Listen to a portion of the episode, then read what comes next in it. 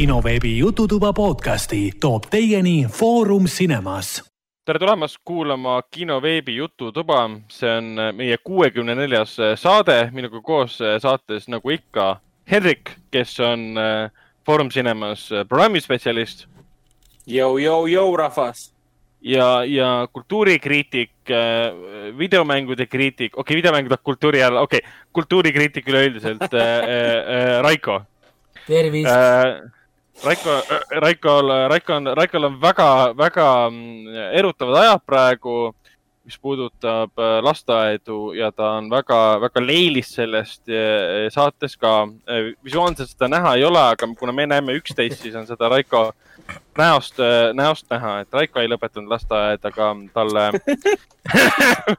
väga tähtsad inimesed yeah., inimene, inimene lõpetas. ja mul, mul kõige vanem laps siis lõpetas praegu häälest ei olnud, häälest ei olnud, Raiko häälest ei olnud seda rõõmu kosta, aga tegelikult on Raiko hästi uhke ja rõõmus selle üle. ja, ta nägu õhetab lausa praegu. jah, täpselt, aga, aga liigume, liigume edasi, liigume edasi filmide ja seriaalide juurde. tänane saade on muidugi eriline ka selle poolest, et äh, me saame rääkida kinofilmidest ehk siis filmidest, mis me oleme vahepeal kinos näinud või siis filmidest, mis on praegu kinos. mis mõttes kinofilmid? Sest esimesest juunist äh, tulid äh, filmid uuesti kinodesse, kinos Artis ja kinos Sõprus.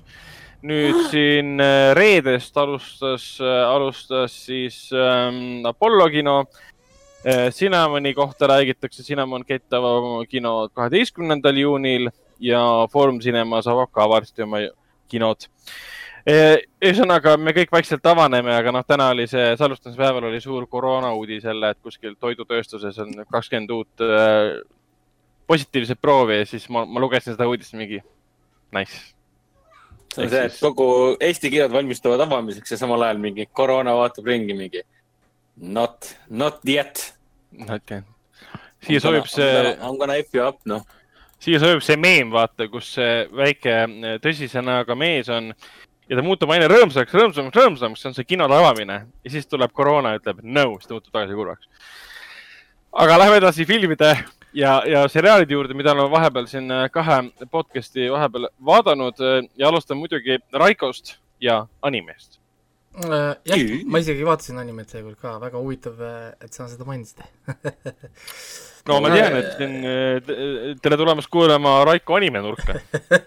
Seekord ma vaatasin legendaarne Raiko animenurk. seekord ma vaatasin isegi väga vähe, sellepärast et äh, endiselt Crunchyrollil ei ole niisugust iganädalast seda uut content'i tulemas, sest Tokyo, Tokyo, Tokyo TV, siis need suured tootjad on nii hädas, on ju, selle Covid-19 tõttu mm. -hmm. ja, ja, ja suur mure on siis nende jaoks see, et nende tõlkijad, on ju, kes siis tõlgivad, olid Covid-19 äh,, igasugused need dubleerimisstuudiod ja ühesõnaga siin on suur ring, mis on siis kuskilt või teiselt poolt on häiritud ja siis Crunchyroll on öelnud, et neil läheb aega nüüd, et äh, nii-öelda nagu äh, järelisi tagasi nagu jõuda.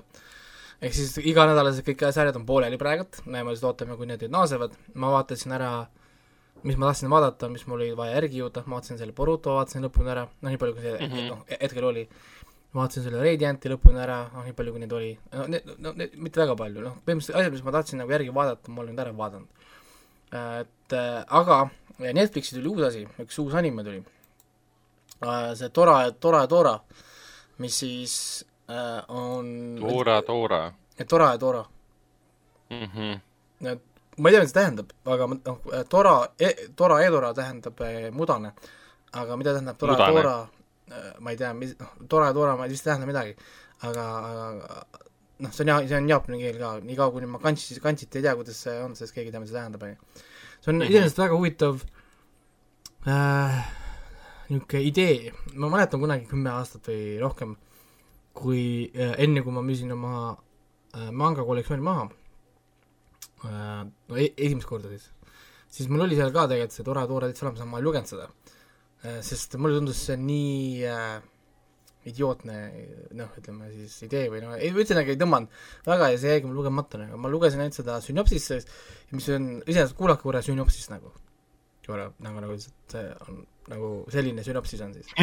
Et äh, sul on äh, düstoopiline äh, maailm, mille nimi on Hole, või nagu auk kus kõik mm -hmm. on no ühesõnaga, kõik on räpane, verine, rõve, vastik, inimesed elavad seal mingisugust umbluureeglite järgi või siis noh, pole reegleid, ja siis sul on äh, võlurid ehk siis sorcerers, kes liiguvad oma maailmast ja sorcererid maailmas sinna holy, teevad, mis tahavad, siis lähevad tagasi mm -hmm. oma nagu äh,, oma nagu maailma. ja selliselt see maailm siis nagu toimib. siis äh, loo peategelane on üks mees, kellel on pandud äh, siis isaliku peaneedus on talle pandud. jah yeah. Aa, ma nägin selle treilerit Netflixis, ja, ja, ja. tal on, tal on äh, sisa, sisaliku peaneedus.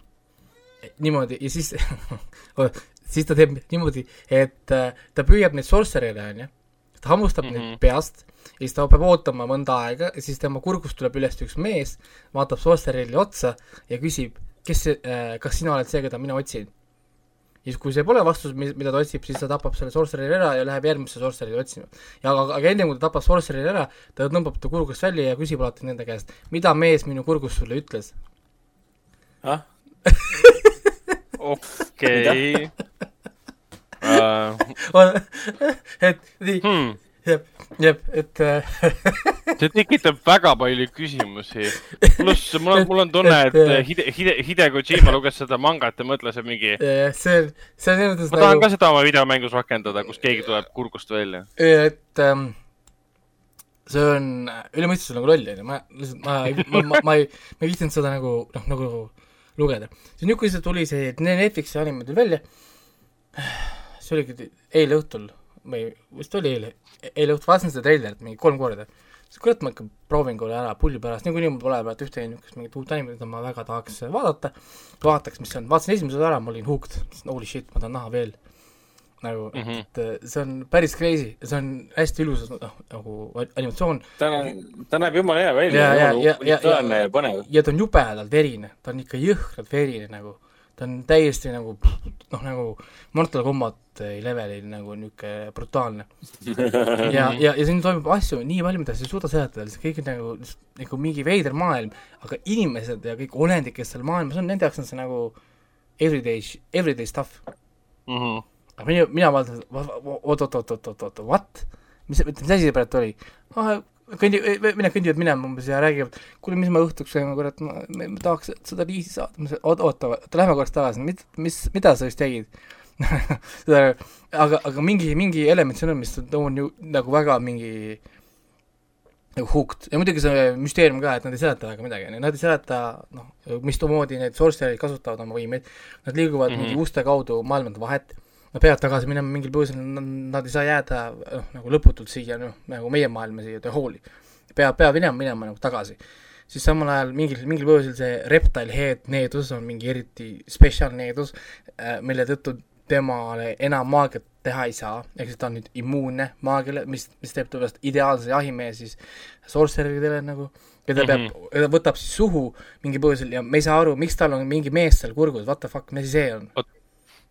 Oota, see lause oli praegu ei no ta peab nagu peast, pead võtma suhu nendel sorceridel ja siis hoidma neid okei, okei, jah. Mhm, mhm. et see on nagu nii nonsense lihtsalt, et kust selline idee üldse tuli kellelgi. vot teeks mingisuguse rep-, mingi sisalik peaga olendi, kes hammustab siis võlvureid, hoiab neid siis jõuga kinni nii kaua, kuni kurgust tuleb üks mees ja küsib nende käest käest kü-, küsimusi Jeesus Kristus.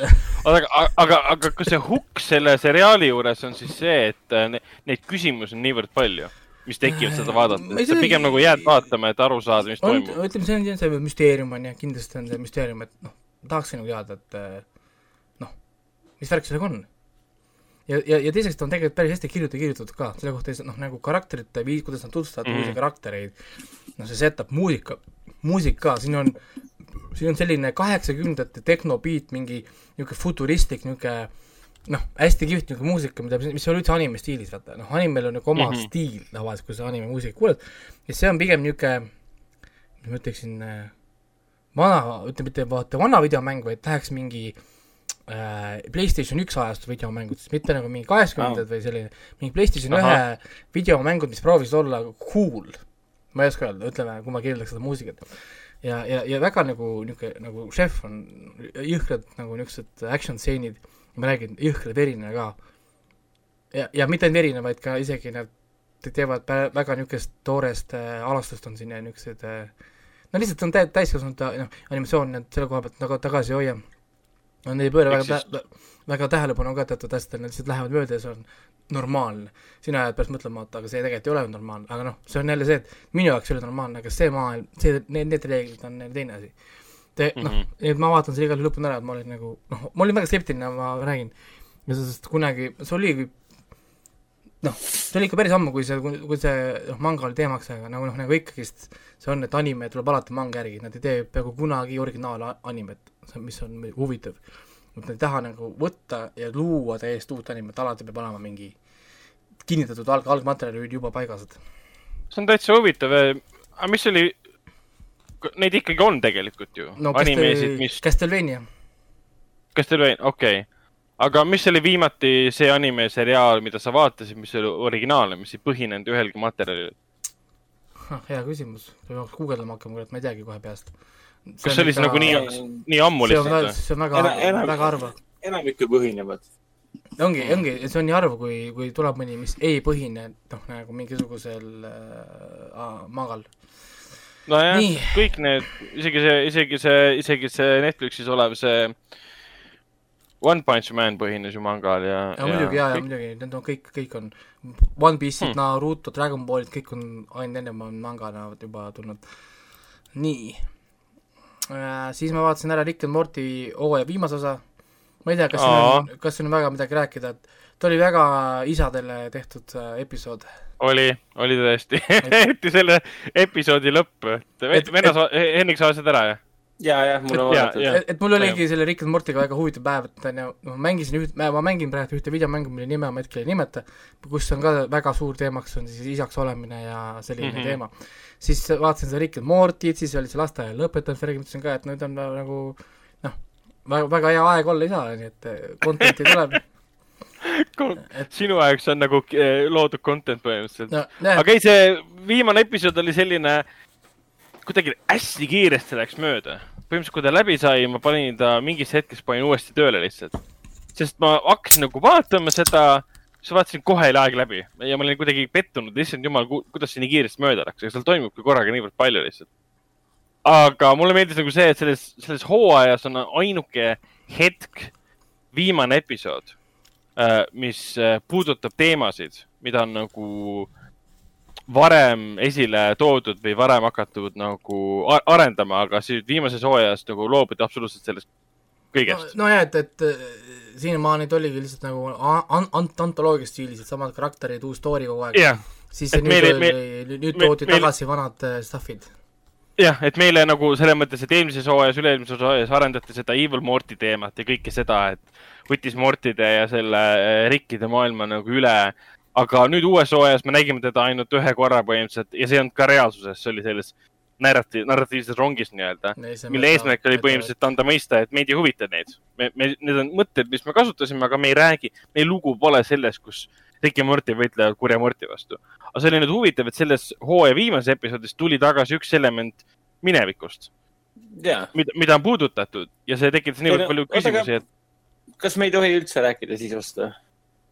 No ma ei tea, pigem ma hoiduks. Rick and Morty't ei tohi spoilida, see on, see on see on high yeah. IQ stuff, kõik inimesed saavad niikuinii kohe aru, millest ta räägib. no, sa ei tea, iga, sa ei tea siis, et iga kord, kui sa spoilerdad Rick and Morty't, sinu IQ langeb see on jumala tõsi tegelikult, sest noh yeah., Rick and Morty iga episoodi vaatamine on siuke püha tegevus, sest mina isiklikult nagu viskan igasuguse telefoni minema, lihtsalt jäägitult vaatan ekraani ja naudin ainuke asi, mis ma kõrval teen, et ma ei tea, joon mingit mahla või kohvi kõrvale. ja seda ei saa, seda, seda ei saa nagu taustale vaadata ma vahepeal proovisin, siis on see, et sa jääd vaatama lihtsalt, sa ei saa nagu lihtsalt niimoodi teha süüa samal ajal ja kuulata heli nagu sõprade ei, sa pead vaatama Selle..., see Rick, yeah, Rick and Morty saad lihtsalt kuulata nagu mingi Simsoneid või Family Guy'd siin nagu mm. inimesed teevad siin.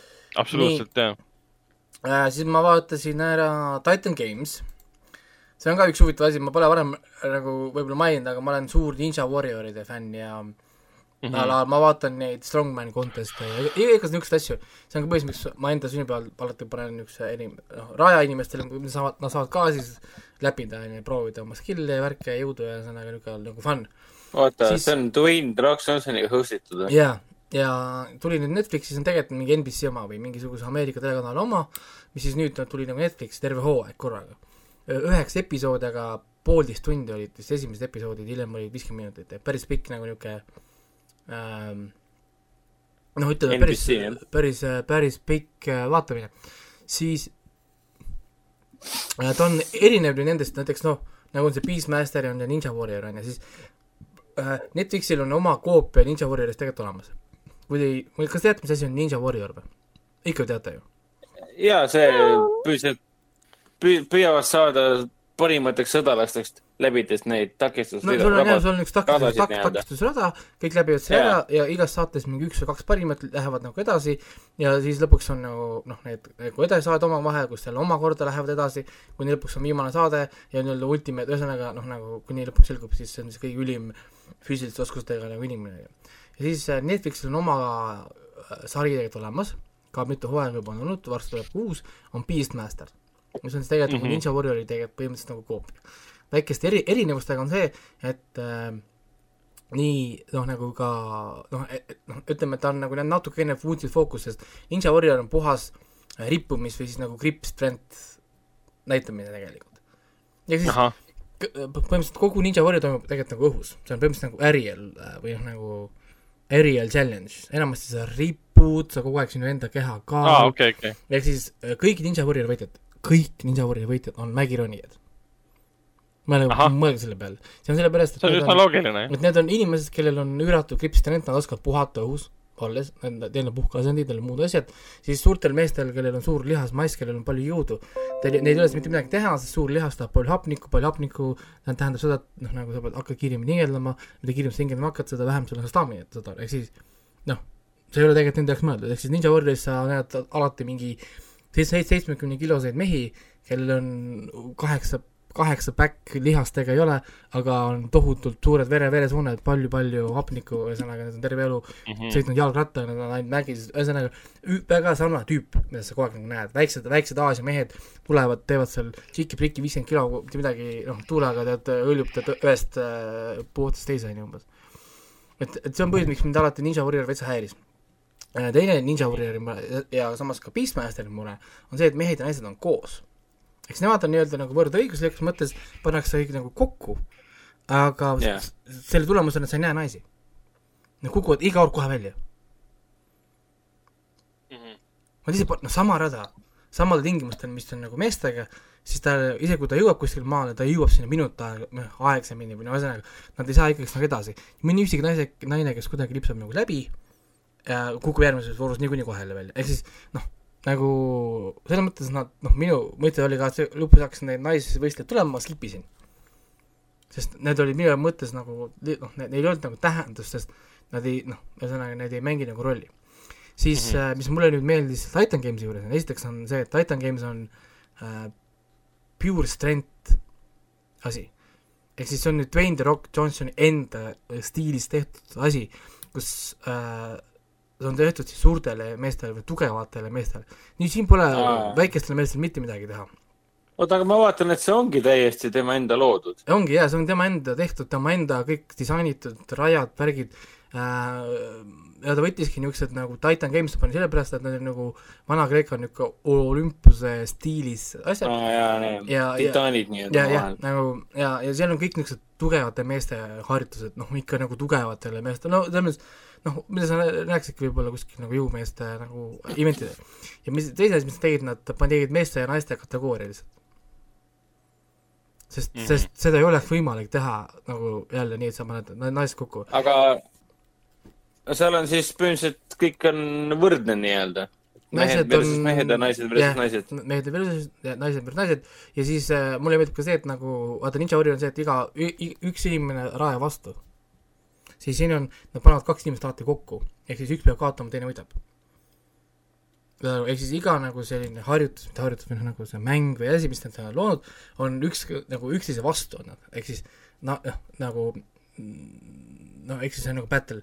mulle, mulle meeldivad seal erinevad asjad, näiteks äh, üks, äh, noh, ma kirjeldan ühte takistusrada on selline, mille nimi oli vist mingi Lunar äh, Climber või mingisugune selline, põhimõtteliselt sul on nagu pool kuu suurune kaar, ja siis antakse start, kõik peavad ronima kõigepealt mingi hästi kõrge redeli, redeli otsa ja siis jooksma niisuguse nagu hästi kitsa mm -hmm. niisuguse nagu puki peal keskel kokku äh, saavad ja siis hakkad lükkama seda niisugust nagu seda noh, nagu põhimõtteliselt nagu keelt või noh, mis iganes asja, et pead lükkama kuni lõpuni teise maha nagu lükata. siis on kaks elementi, kui sa oled kiirem kui teine, sa saad ju hakata varem lükkama seda.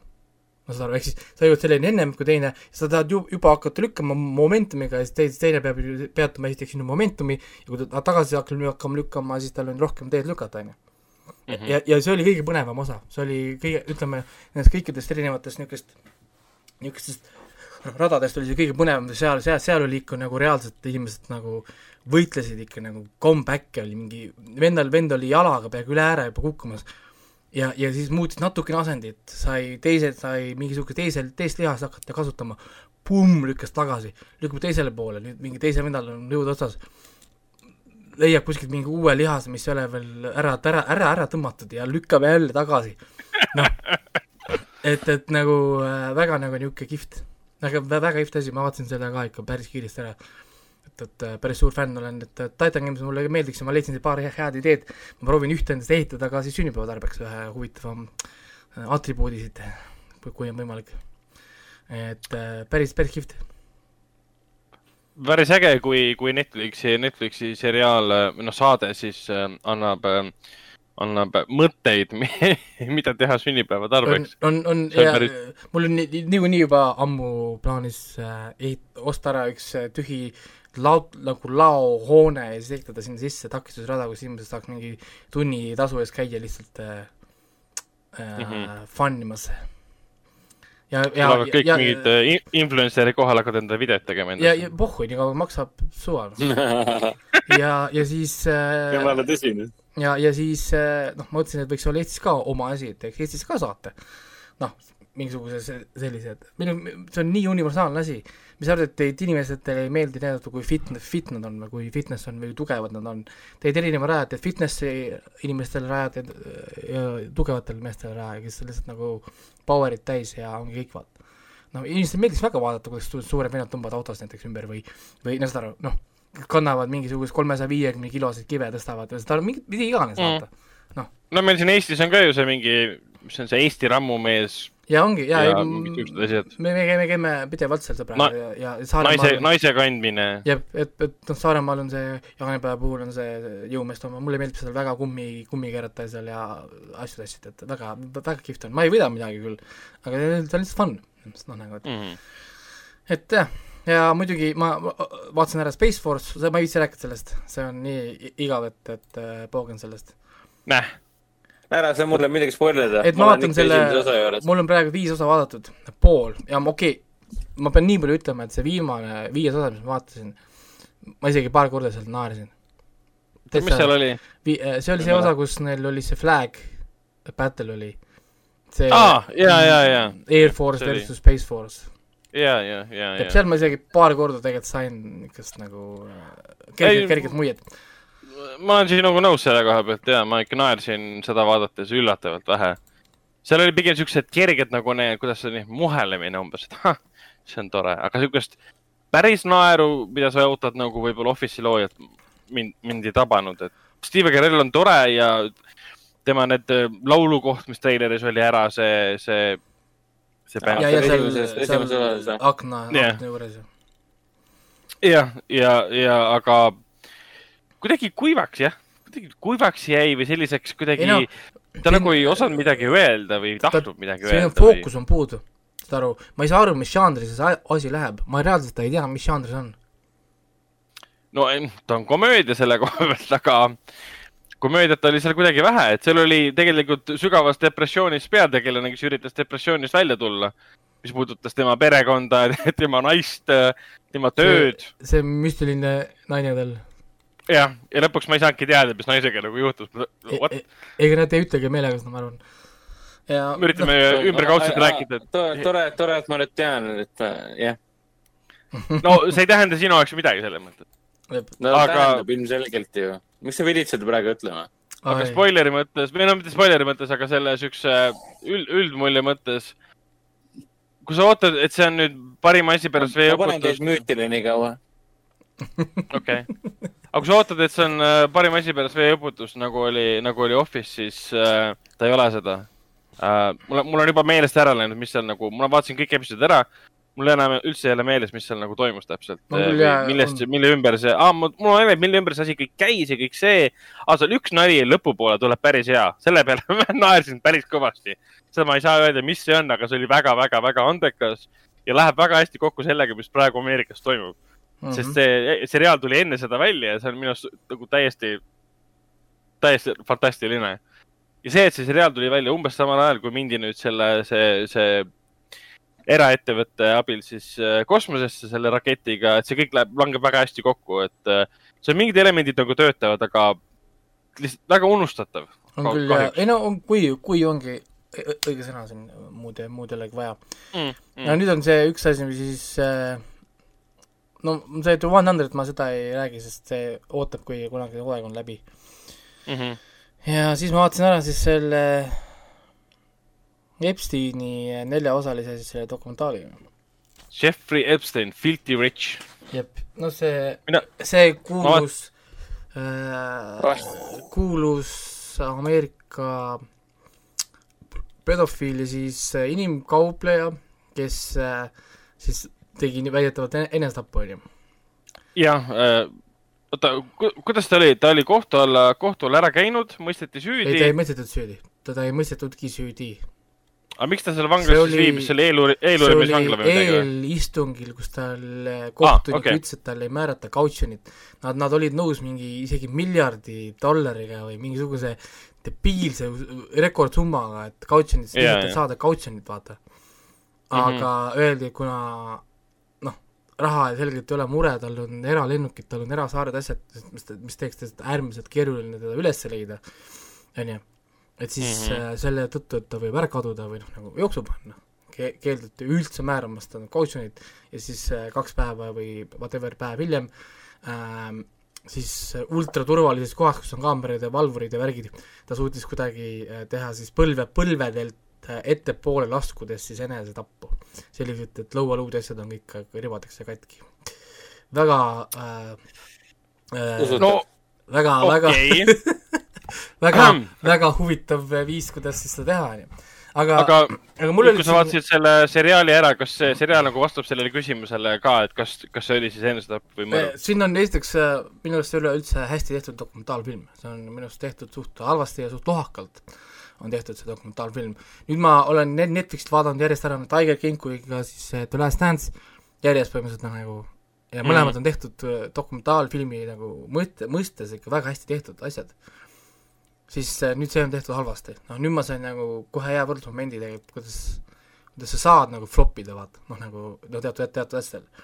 Teiseks ma vaatan hästi palju tegelikult noh, erinevaid äh, äh, nagu siis mõrvaritest ja ühesõnaga kriminaalseid äh, dokumentaalfilme. see on hästi põnev mm. -hmm. no mul, ma vaatan seda enamasti telekas, see ID channel, vaata see, mis on see äh, on see e-, e-, eraldi channel, mis on, noh, on teil see ID ID. see Investigation Discovery, okei jah, in-, Investigation Discovery channel, kus jooksevad kakskümmend neli, neli tundi põhimõtteliselt erinevad äh, siis nagu dokumentaali stiilis uurimised äh, lähen lahendamata mõrvadest, salapärastest kadumistest ähm,, tuntud äh, sarimõrvad, ühesõnaga tohutult content'i erinevatest niisugustest äh, viisidest.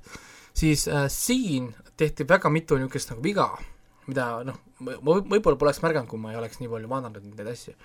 esimene asi oli see, et äh, kõik naised, kellega nad rääkisid, neil oli kõikidel alati räägitud, et nad on survivors. Survivors nojah, sest, sest nad olid seda tegelikult. aga ei, kõik ongi on..., et survivors of what, et saad aru, et kui sa ütled survivors, siis ma ootaks mingi hetk, et sa hakkad mulle näitama inimestest, kes ei olnud survivors. aa, nojah, okei okay et politsei ja FBI rääkisid alati nendest kui victims. ja, ja pooled naised, kes rääkisid, olid tegelikult kaasosalised ja peaks olema ka vangis. On ju, mhm. aga mingi, aga mingil põhjusel nagu nemad on, endiselt loetakse kui victims. on ju, siis mind häiris see, et, et, et nende, nende kohta öeldi kogu aeg survivors siis noh, fine, jaa, las nad olla survivors, siis mingi hetk hakkab mulle rääkima nimedest inimestest, asjadest, kes ei elanud seda üle, saad aru? Pole ühtegi teiseks äh, üks oluline asi nagu, mida nad kordagi ei, tegelikult ei peatunud sellel või nad nagu väga sujuvalt no, äh, unustasid nagu ära, oli siis äh, Jeff, Jeffrey Epsteini niisugune äh, biseksuaalsuse teema.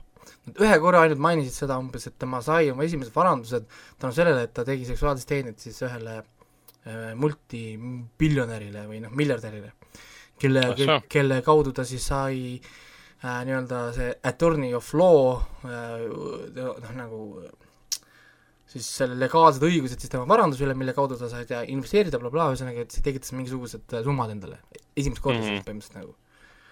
ja sealt unustati see ära lihtsalt nagu mindi nagu mööda ja umbes nagu kõik jutt jäi nagu ära ja siis kõik jutt jäi nagu tüdrukutele ja lastele. aga noh, kui võtad nagu Epsteini muud jutud nagu lahti, siis tegelikult asi ei olnud ainult tüdrukutes, vaid ka poisid olid nagu noh, siit-sealt, erinevatel viisidel, aga mitte ühte korda mainitud, mitte ühtegi viisil, mitte ühtegi viisil, täiesti null, olgu see selleks. huvitav et äh, nad ühe korra mainisid seda biseksuaalselt, ainult ühe korra, nagu ühes selles kontekstis, kui oli see osa, see follow the money, kus nad proovisid teada saada, millega Epstein nagu raha teenib. teiseks, nad ei andnud ühtegi vastust. nagu, nagu päriselt, nad ei andnud vastuseid, neil, neil ei olnud üldse infot tegelikult, et seda dokumentaali teha. minu arust nad peaks nagu veel uurima ja puurima ja saad aru, tegema nagu tööd. See on poolik töö alles. Neil, neil ei olnud nagu source'i, neil ei olnud mitte midagi. Ja reaalselt inimesed ütlevad, vaata mind häirib selline asi, kui nad sisestavad info, informatsiooni ilma tõenditeta, mida tegelikult ei tohiks teha mitte ükski dokumentaalfilm. vaata näiteks, kui Tiger King midagi teeb, nad ei sisest-, sisestanud ühtegi informatsiooni ilma tõenditeta. Mm.. ja, ja nemad kui dokumentaalfilmi tegijad ei võtnud poolt, siis äh, siin Epsteini dokumentaalfilmis nad olid selgelt Epsteini vastu. See oli bias story, et näidata, kui jube loom on see Jeffrey Epstein aga nemad kui dokumentaalfilmi tegijad peaks lihtsalt võtma e-, eesmärgiks, räägime seda lugu. kes on Jeffrey Epstein, miks ta, miks, miks ta sai siin ette ja las mina vaatan ja nüüd otsustan ise, kes ta on. noh, täpselt nagu no, tegi, nagu tegi Tiger King näiteks selle Carol Baskiniga ja seda asjadega. sellised näited, mida meie teame mm.. ja nüüd sina, tee otsus, vaata, sina vaata ära. siis siin nemad no. tegid minu eest seda otsust nagu kogu aeg ja nad tegid seda näiteks selliste asjadena ka näited ka, ma, ma panin siia kirja, meil noh, nagu mõned asjad äh,, kuidas, kuidas nad seda tegid. näiteks neil oli see äh,, ta pildistas äh, või noh okei okay,, niimoodi, või põhimõtteliselt oli niimoodi, et üks siis tema kaasosaline värbas ühe noore tüdruku, kes oli kunstnik ta oli kunstnik, oli juba ise täisealine, aga tal oli ka noorem õde, viieteistaastane või, või, või midagi sellist. siis mm -hmm. ta oli pildistanud oma nooremaid õdesid, et neid maalida nii, ta käis kuskil Epsteini villades, ühesõnaga noh, olid tükk aega käisid nagu temaga läbi. Ja, ja siis mingi hetk äh, ta avastas, et tal on pildid on kadunud, tema need yeah, õdes tehtud jah, et jah, see oli esimeses osas, jah. tema õdes tehtud pildid on kadunud. siis äh, selle asemel, et nüüd on kõik, on ju, et lõpetada sellega teema nagu ära, siis tema ütleb, et, et ma ei tea, mis ta piltidega tegi, kuid mina arvan et ta kasutab neid pilte, et ma ei tea, ennast rahuldada ja teha ja teha nii. ja nad sisestavad sellist informatsiooni kogu aeg. saad aru? ja, ja mingi hetk ma nagu hakkasingi nagu pa-, paberi peal tõmbama kriipse, iga kord, kui nad ütlesid midagi, ilma näitamata või tõendamata seda. ja saad aru, ja, ja, ja oligi näiteks niimoodi, et mul oli äh,, mis mul oli, teine episood oli kakskümmend kaheksa korda kakskümmend kaheksa korda nad esitasid midagi, mida nad suutnud tõestada või isegi nagu konteksti luua, on ju, ja nad sisestasid seda kui nagu fakti. me ei tea, mida Jeffrey Epstein nende piltidega tegi. siis öelgegi seda. ja me isegi ei tea, et tema võttis need pildid. samas, miks need pildid üldse nagu välja tuua, ma ei saanud isegi sellest aru, miks, miks need üldse välja toodi, et sellepärast, et osa... näidata, et, et on nagu noh, saad aru, ma räägin, et nad tahtsid maalida sulle pilti konkreetselt, sest nemad mm. olid juba otsustanud, kes see Jeffrey Epstein on. nojah, seda küll, seda küll. hakkasid suruma seda nagu sulle peale ja selle asemel, et äh, noh, mina nende asemel oleks teinud seda, et tuua see pildi teema tagasi, öelda, ma ei tea, mis ta pildiga tegi, tuua pildi teema tagasi hiljem, kui FBI leidis tema New Yorgi konto sealt korterist alaealiste tüdrukute pilte, nagu seifis vaata. siis mm. too see teema tagasi sinna korraks, näed, et noh saad aru, seoned nagu omavahel ära, sest nüüd on meil ju fakt, on ju, nüüd on meil nagu fakt teada, et noh, saad aru, ta, ta oli pilte kasutas, pilt tegi midagi nendega, on ju. ja, ja siis tohutult asju visati nagu sisse niimoodi, kogu aeg nagu loobiti mingeid asju sisse. aga neil ei olnud tegelikult nagu mitte midagi.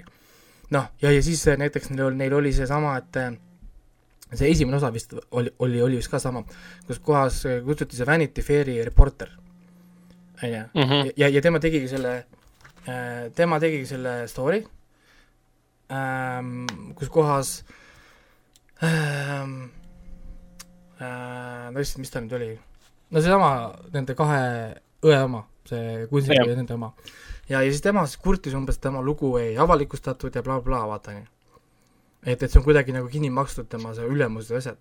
aga, aga kui ta esitaski neid lugusid niimoodi, et tal on ainult kaks tüdrukut, kes räägivad mingisugust nagu lugu, millest esimene selgelt tunnistab, et ta võttis raha ja teadlikult käisid igal pool, siis muidugi seda lugu ei saa avaldada ju. noh, sul ei ole no, tegelikult ju mitte midagi. nii, ja siis hiljem nagu hakkaski selgima, kui kuulasid, siis e-, esimene oluline punkt oli see, äh, Epstein ei kasutanud jõudu mitte, mitte kordagi. pange tähele seda, kui te vaatate seda, kui inimesed kirjeldavad. kui keegi ütles ei, tahtis ära minna, mitte keegi ei takistanud mitte ühte korda mitte kunagi. see on oluline asi, mida peaks märkima sellises dokumentaalfilmis. kui sa üritad rääkida, et on mingi räige loom, ta on mingi järge jõhkard ja värki, on ju. ja, ja siis üritad teha müsteeriumit, ta ei saa aru, miks ta inimestele meeldis, kuidas ta oli šarmikas ja võluv, siis äkki korraks tõmba hoogu maha ja räägi sellest ka, et äh, miks ta oma ohvrit kogu aeg kätte sai ja asju, oligi see, et ta ei olnud ohtlik, ta ei, ta ei jätnud neile nagu muljet, et midagi juhtuks, kui nad noh, ei ole sellega nõus no,. et ta nagu meelitasid rahaga küll sinna, teised meelitasid rahaga teisi sinna, aga ta ei rünnanud neid siis kordagi ega vägistanud neid siis kordagi. et, et, et selles mõttes, et nemad, noh, naised küll umbes vaata, väitsid, et see on nagu vägistamine, sest ta tegelikult ei tahtnud nagu aga samal ajal no selle, selles mõttes küll, selles mõttes küll, jah. samal ajal ta ei vägistanud selles mõttes nagu traditsioonilises mõttes ei vägistanud, vaat umbes, et jõuga neid sidus kinni või saad aru, midagi sellist kui keegi tahtis mm ära minna, mitte keegi neid ei takistanud, keegi neile järgi ei tulnud, keegi mitte midagi muud ei teinud. nojah, see, selle, selle koha pealt oli veel vastikum, et ta suutis enda juurde meelitada alaealised äh, neiud, kelle siis nii-öelda äh, teadmatust antud olukorrast ta ära kasutas. ja ta nagu teadis, et neiud reageerivad niimoodi, et nad ei julge ära minna. Ja pärast alles räägivad, et ma, ma tahtsin kohe no, ära ja, minna, mis on loogiline reaktsioon, aga sa ei julge ära minna, sest sa oled see üks, mulle meeldis ka ühe naise kommentaar, kus ta ütles ka, et ta tahtis kohe ära minna. aga siis ta mainis, et siis ma hakkasin mõtlema, ma olen ülirikka mehe majas, kes just mulle maksis. jumal teab, äkki võtab kuskilt relva välja või tal on mingi turvamees kuskil, kes ei lase mul lahti, et ma parem lasen selle sündmusel mööduda siis, et ma ei julge midagi skandaali tekitada, äkki midagi juhtub. et alles siis nagu, see on, selles mõttes oli hea järeldus tema poolt. jep et äh, ei no ma, ma mõttes ma olen sellega nagu nõus, aga vaata, dokumentaalfilm ei, nemad nagu ei näidanud seda kunagi sellisest nagu nurgast. Nad, oli näha, et nad, neil oli liiga vähe informatsiooni, nad proovisid noh, paika pandud narratiivi nagu minule kui vaatajale peale suruda. mulle ei meeldi selline asi. noh, ma see on huvitav, et aga miks neil ei olnud rohkem informatsiooni? sellepärast, et e, e, see oligi see Epsteini võlu, kuidas ta sai inimese kätte, ta hoidiski kõiki asju nii nagu privaatsena. ta hoidiski kõiki asju eemale, noh, saad aru, ta nagu noh, see oligi see nagu point ja mina tegelikult, kui ma mõtlesin, et ma hakkan seda vaatama, siis mina mõtlesin, et nad räägivadki rohkem sellest rahast, see müstiline, see salapärane raha, nad räägivad rohkem sellest salapärasest enesetapust, on ju, on mm. otseses mõttes kaks tuhat kuusteist presidendivalimistel e, Epsteinil oli mõlemal isiklik otsene sise mõlema presidendikandidaadiga, nii Clintoni kui ka Trump mm. -hmm. räägi sellest, et äh, kuidas sa mõistad süüdi selliseid inimesi, kes on sõna otseses mõttes nagu noh, selliste inimestega nagu seotud ja samal ajal, kui ta on selliste inimesega seotud, kas kellelegi ei tundu siis äh, veider, et äh, inimene äkki lambist sureb kohe ära, kui eile istungil öeldi, et ta ei saa kautsjonit? nojah, ilmselgelt ta ei olnud lihtsalt mingi, mingi üksik äh, pedofiil, kes meelitas äh, noori äh, tüdrukuid ja poisse enda juurde. ilmselgelt ta nagu ja, ja oli mingisuguse võrgustiku taga. Äh, sellega oli veel huvitav asi, et kui ta oleks teinud asju Eestis, ta poleks teinud mitte midagi ille-, illegaalset mõelge nüüd korraks selle peale äh,. Eestis on oled... äh, age of consent on neliteist. kõik need tüdrukud olid neliteist vähemalt ja peale. aga noh, consent ei ole tüdruk ju see antud juhul andnud. ta ei öelnud ei ju.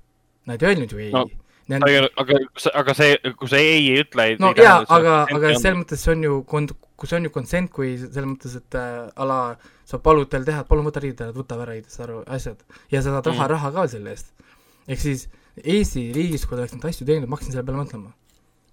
siis no äh,. oleks olnud kõik täiesti le-, nagu tõi täiesti legit nagu, et see, et see on alati see asi, mida mina olen tegelikult öelnud ka, ütleme Eesti selle väga noore vanuse kohta, on see, et me ei luba neil alkoholi juua, on ju, me ei luba neil hääletada, aga me lubame neil teha otsuseid enda seksuaalelu üle, mis on äh, noh, nagu väga veider, sama asi on, Ameerikas on see alkoholi joomise loogika on veider.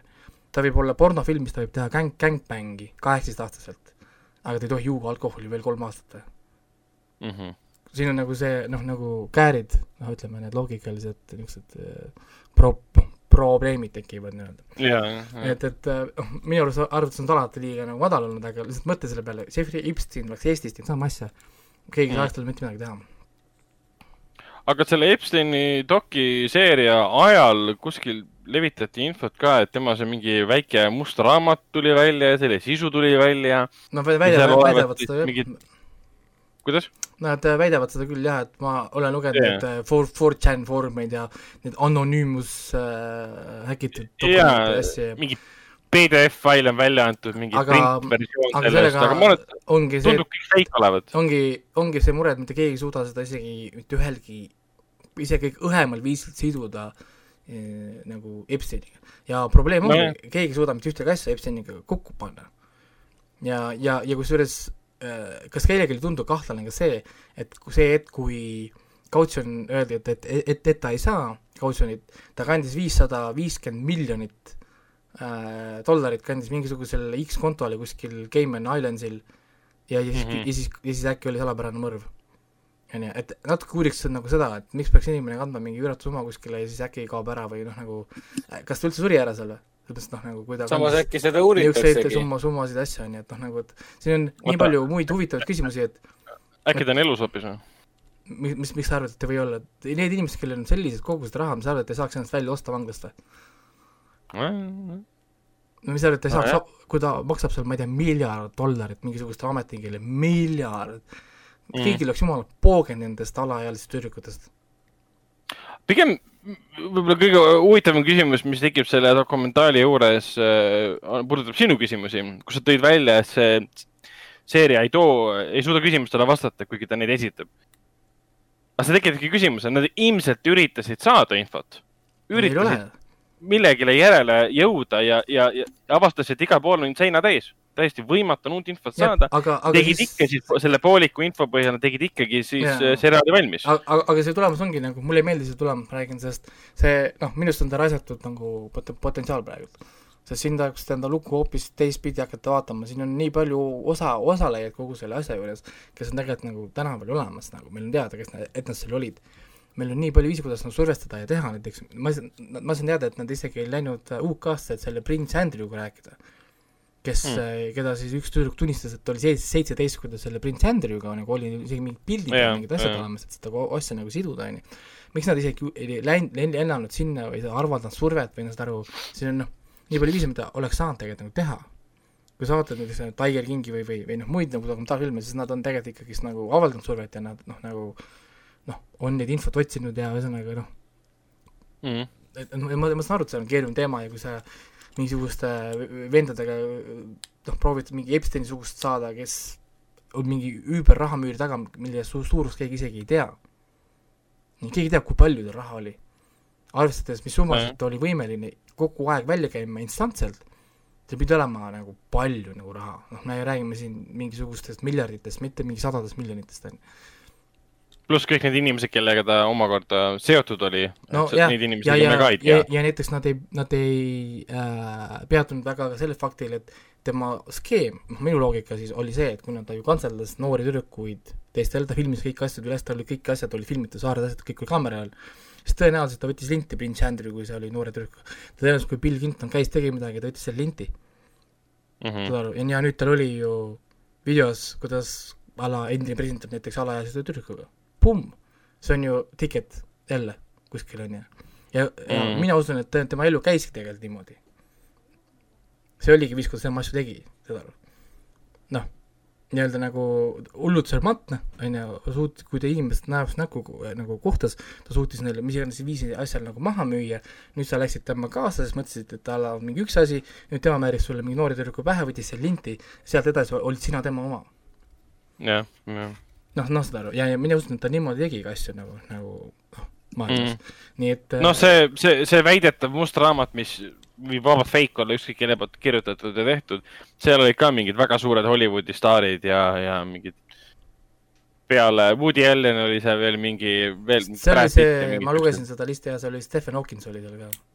ja, ja okei, jah, mis on umbes niimoodi, siis ma sain aru, et mingi, aa, see on, see on välja mõeldud, see on mingi 4chan'i kasutajal oli igav ja siis pani mingi filtri peale kuskile no, PDF failile. seal, seal on ka see, et me ei tea konteksti seal, see võib olla lihtsalt no, yeah. kontaktide raamat ka ju ilmselt, aga seal ei olnud midagi muud.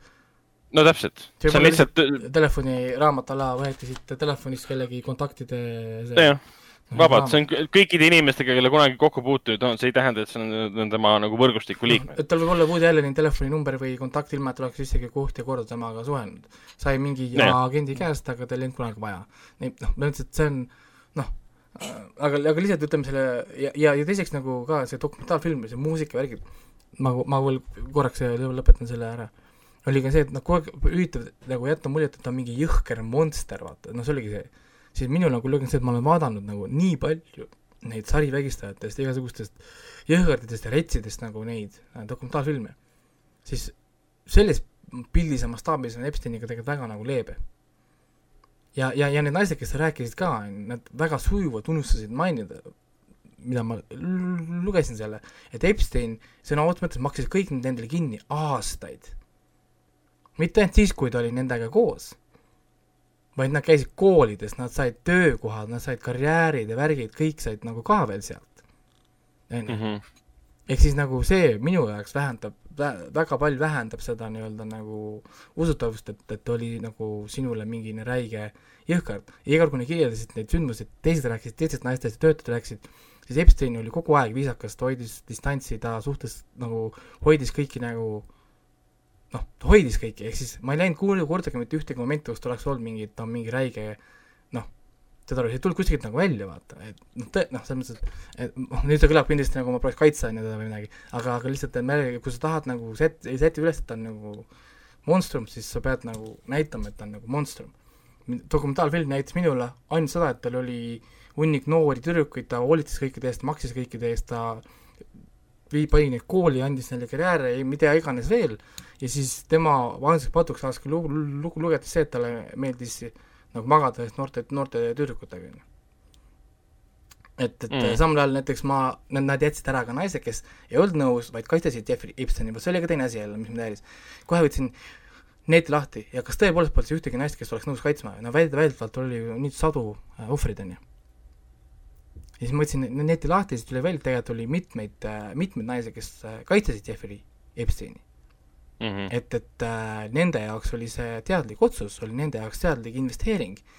et, et, et sõbranna isegi ütles, et sa umbes magad selle mehega viis, kümme, kümme korda ja sul on kümme, kakskümmend aastat, sa saad iga kuu kogu aeg raha, sa saad koolidesse, asjadesse sisse. kes see veel saab niisuguseid asju? on ju, saad aru, ja aga, aga neid ei näidatud mitte, mitte, mitte, mitte, mitte ühtegi, sellepärast et see rikuks noh, nagu seda mustvalge, seda noh, nagu noh mm., nagu. no ma, ühelt poolt ma arvan, et siin tuleb veel neid dokke kindlasti, mis on palju paremad ja, ja, ja ikka jaa, et siin on vaja aega, äh, siin on, siin ongi vaja aega, sellepärast et äh, niisuguste inimestega, kellel on nii palju kontakte mingi X levelitel, presidentidest mm. ja ma ei tea, kellest veel üle, on ju, äh, niisugused rahasummad on tal taga, siis me ei kujuta ette, mis siin tegelikult veel võib olla. Mm.. me räägime siin praegu mingisugustest neljateistaastastest ja asjadest, on ju, tegelikult ta, ta võib olla mingi crime boss on ju, nad kantseldavad mingist Aasiast, Venemaalt mingeid lapsi kuskile, me ei tea mitte midagi. me ei tea mitte no, midagi. seda on ka nii-öelda vandenõuteoreetikud räägivadki, et ta oli üks suurimaid nii-öelda kupeldajaid üldse, aga keegi ei tundnud, et ta on seda lihtsalt. aga muidu ma vaatasin siin kriitikute arvamusi ka ja, ja enamus kriitikud tegelikult äh, sinuga nõustuvad, kuigi Rotten Tomatoes näitab seitsekümmend üheksa protsenti. aga väga paljud ütlevad, jah, see on äh, keskpärane dokumentaalfilm, kus pole ühtegi nagu uut infot peale siis jubedate detailide. et see, see noh, sellel dokfilmil ei ole otsest eesmärki peale selle, et ta võtab kokku selle, mida me juba, mida paljud juba teavad või siis kui ei tea ja ei viitsi kuskilt lugeda, siis see võtab selle info kokku lihtsalt. nojah, ja, ja, ja, ja näiteks samuti need äh, kolm naist, kes siin saates räägivad, saavad rääkida ainult sellepärast äh, siin saates, sest Jeffrey Epstein tegi nende eest kunagi diili et see US district attorney või whatever ei, ei saaks neid süüdi mõista. sellepärast Aa. tema istus vangis mingisugune kaheksateist kuud või. ja, ja üks tingimus, et ta oli nõus vaata vangi minema, oli see, et tema kaasosalisi, siis neid tüdrukuid keegi saaks süüdi mõista. ahah. Need oleks, kolm tükki oleks pidanud olema vangis nendest tegelikult, kes on täna rääkinud, sellepärast et nemad teadlikult aitasid tal uusi tüdrukuid saada, siis nad said raha selle eest. ja neid, ja nad tegid seda isegi siis, kui nad olid juba täis, juba täis, täis, täisealised, ehk siis nad noh, ja, ja Ameerikas saavad kuueteistaastaseid juba mõista süüdi kui täi-, täisealisi ja noh, ja nii edasi. et neid saaks kõiki mõista süüdi, aga need ei ole täna vangis ainult tänu sellele, et Jeffrey Epstein läks nende eest vangi ja tegi selle diili, mille ta kauples välja oma rahadega ja oma tutvustega mm. -hmm.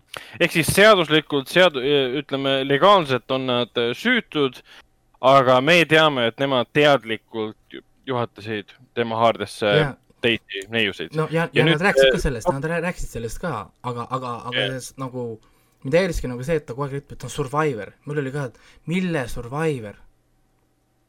tema ise on nagu... kaasosaline, tema tõi talle uusi ohvreid juurde, tegi seda kuus aastat, ta ütles, et ma teen, et ta tõi talle kuuskümmend näiteks uut tüdrukut talle, ta emale tõi talle kogu aeg seda nagu juurde see oleks ju, see oleks ju teine asi, kui dokis oleks välja tulnud, et Epstein äh, ähvardas teda, neid või ükskõik mismoodi oleks vägivalda tarvitanud, et te peate mulle tooma, aga ma saan aru, et seda ei olnud. ei olnud jah, ja siis, ja siis see tüdruk keeldas ka, et kui tal oli Tais õppimas, sest Epstein saatis ta jälle õppima mingit uut ametit, onju, oma, oma, oma rahade ja värkidega, kõik elamis, kõik maksti kinni.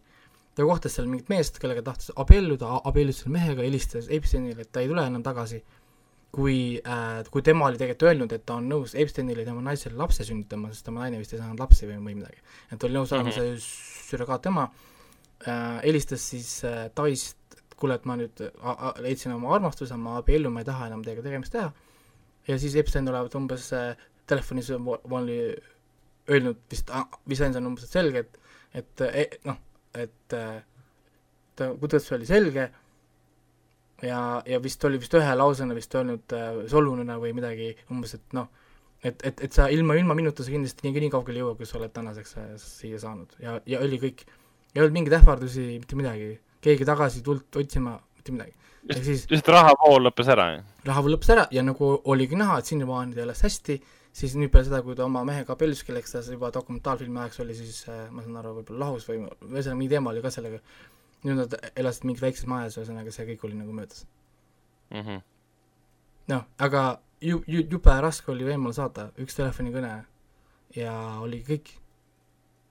ja siis no, ma räägin, et minu jaoks see dokumentaalfilm ei veendunud mind absoluutselt selles, millest äh, räägitakse, et ähm, et ta on jõhker nagu monster. ma saan aru nagu sellest teest äh,, pedofiilide värgid, seal oli, kas see küll on see lastepiltide kogumised ja, ja mingid värgid.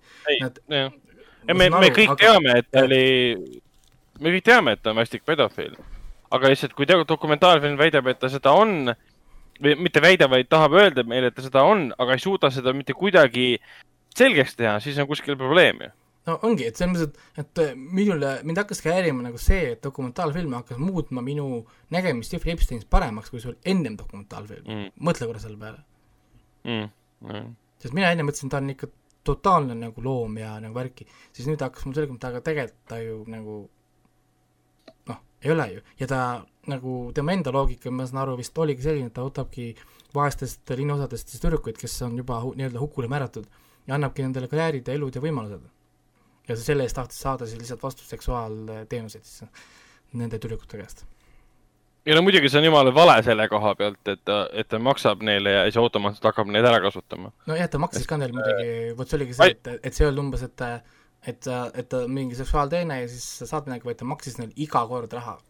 nagu ma, nagu ja, ja siis neil, aga ta me, nende aga ta meelitas neid sinna ju sellega, et tule, tule tee massaaži ja siis tegelikult no, jah, ja siis nad, siis nad tegidki massaaži nagu ja siis saidki selle eest noh, nagu raha ja siis äh, nii-öelda nagu see äh, seksuosa oli siis nii-öelda nagu sellepärast, et nad nagu tahtsid, et see oli siis see nagu see hook, millega nad siis seda legaalselt proovisid põhjendada mm. nagu. kuigi, kuigi ütleme, selles mõttes, noh, sellepärast ongi see määratud see kaheksateist vanus, on see, et alla selle tegelikult noored ei ole tegelikult võimelised iseenda otsuseid tegema. ehk siis mm -hmm. noh, mhm. kui isegi neljateistaastane, noh, isegi Eestis ütleb sulle tegelikult, et ta on nõus sinuga magama, siis tegelikult küsimus on, kas ta tegelikult ikka on nõus, kas ta saab aru, millega ta on nõus mm. -hmm. et, et see on ka põhjus, miks mina usun, et neliteist on liiga madal ei, muidugi kindlasti on äh,. panus. et noh, peaks olema kuusteist vähemalt, kui meil kuusteist lubatakse hääletada, siis ütleme noh, vähemalt kuusteist, kuigi see on noh, on ka tegelikult veel vähe. sest kui ma olen näinud kuueteistaastased ja sorry, neid kuueteistaastased ei tohiks hääletada noh, et andke ikka paar aastat veel, noh nagu, et, et noh, mingisugune küpsus ikka tekiks ja inimesed suudaks äh, tajuda, on ju aga selle, mm, ütleme sellele teemale nüüd joone alla tõmmates äh, saakski, saakski öelda, et ähm, Epstein äh, oli vastik pedofiil, seda me teame, aga, aga see dokfilm, äh, ütleme niimoodi, et vääriks mingit, äh, kindlasti mingit järge või mõne aja pärast tahaks näha järgmist dokfilmi, mis reaalselt räägib, kes kurat see mees oli, kust ta oma raha sai, kes temaga seotud. siin peaks olema, sellest saaks teha väga pika asja tegelikult, sellest saaks teha mingi kümme episoodi vähemalt, sest ja. esiteks kõige olulisem teema, mis mind huvitas kõige rohkem, see kõlab jälle nii külmalt kindlasti, mind huvitas palju vähem see noorte tüdrukute asi. sest äh, minu jaoks tegelikult, noh, et jälle ma räägin, et mina olen alati enda jaoks pannud seda, et mina pean ped-, pedofiiliks need, kes on kaksteist ja nooremad. see on nii veider, aga ma olen tõmmanud nagu, kunagi tõmbasin nagu joone, nagu Äh, et, et need on nagu pedofiilid ja need, kes on sealt üle, on minu arust need, kellele meeldivad liiga noored tüdrukud. Ma ei, või poisid, whatever. ehk siis mina pean pedofiilideks alati nagunii, on ju. aga noh, see selleks. siis mind huvitaks tegelikult väga palju rohkem see raha ja tema see power, see võimu osa. kuidas ta selle nagu kõik nagu sai. sest ta jättis keskkooli, mitte selle ülikooli pooleli, tal ei olnud äh, haridust mitte midagi, ta tegi noh kuidas ta nagu jõudis selle varandusteni ja asjadeni, kuidas ta sai osta näiteks saare endale, nad, keegi võiks välja otsida need saare ostudokumendid ja see on, no iga kinnisvara ostetakse ju no av-, avalikult, otsi välja need dokumendid. kuidas otsis, ostis Pariisis endale korteri näiteks, noh, millal ta ostis selle, kelle kaudu, noh, aja need kõik tegi, nagu välja. siin tekivad ju igasugused huvitavad äh, küsimused, mida jälle see dokumentaalfilm jäi arendanud, mida ise ka välja tõid, et äh, ta ise pakkus ka seksuaalset teeneid mingile rikkurile, kes maksis talle mingid asjad kinni, kelle kaudu ta sai rikkaks. ehk siis äh, jah ja näiteks äh, kutsuks kutsuks, siin on ju mingi, nii? kutsuks näiteks mõne psühholoogi korraks äh, rääkima no,. et, et kirja, kirjeldaksid seda süsteemi näiteks ta hakkas tegema täpselt sama, sama asja, asja, mida tema tegi kellelegi teisele, ta hakkas täpselt sama asja läbi viima. miks nagu, kui sa oled rikas inimene, miks sa niimoodi käitud, mis on selle taga, selles mõttes, et jah, on, ta on pedofiil selgelt, aga miks võiks nagu selgitada seda või mis, mis selle taga on või mis, mis, milline tema elu oli või lapsepõlv, aga noh, see dokfilmis jälle seda teemat ei ole. no, et Anne vist korraks rääkis, et mingi, ta sündis ja käis koolis, siis oli mingi kahe lausega oli tema nagu mm -hmm. elu nagu kokku, kokku nagu võetud. noh, uurige isa, isa-isa kohta, ema kohta, ma ei tea äh,, noh mm, -hmm kas seal oli mingi sexual abuse võib-olla tal endal, ühesõnaga, siin on nii palju stuff'i, sest, sest noh, lõppkokkuvõttes on umbes sama, kui tuleks äh, uus dokumentaalfilm äh, Ted Bundist, no vahepeal tuli Netflixi, ütleme seesama. Ted Bundi dokumentaalseeria, kui see tuli välja, ütleme, kui seal oleks räägitud ainult sellest, et ta on mõrvar. no ta on mõrvar ja kõik. see ei, see ei räägi sulle mitte midagi, see ei anna sulle ühtegi pointi. see on ajal... null info, aga no. õnneks see dokumentaalfilm rääkis tema taustast, kust ta tuli ja kõik ütlesid, me ei tea, miks ta on mõrvar, sest lihtsalt sellel ei ole põhjendust. jah, et see on seesama. ökoloogid olid hämmingus. aga et... mõtle, kui selles, selles seerias poleks olnud infot selle kohta mitte midagi, lihtsalt öeldud, jah, ta on mõrvar, me teame, et ta on mõrvar. me teame, et ta on mõrvar, aga mis selle taga veel on, selles mõttes no., see on see huvitav info, mida me küsim-, küsimustele me vastuseid tahame. et siin on seesama asi, et, et minu arust nagu noh, minu nagu niisugune loogika oleks ka olnud, et sa esimese episoodiga ütled ära, jah, me teame, et Jeffrey Epstein on pedofiil.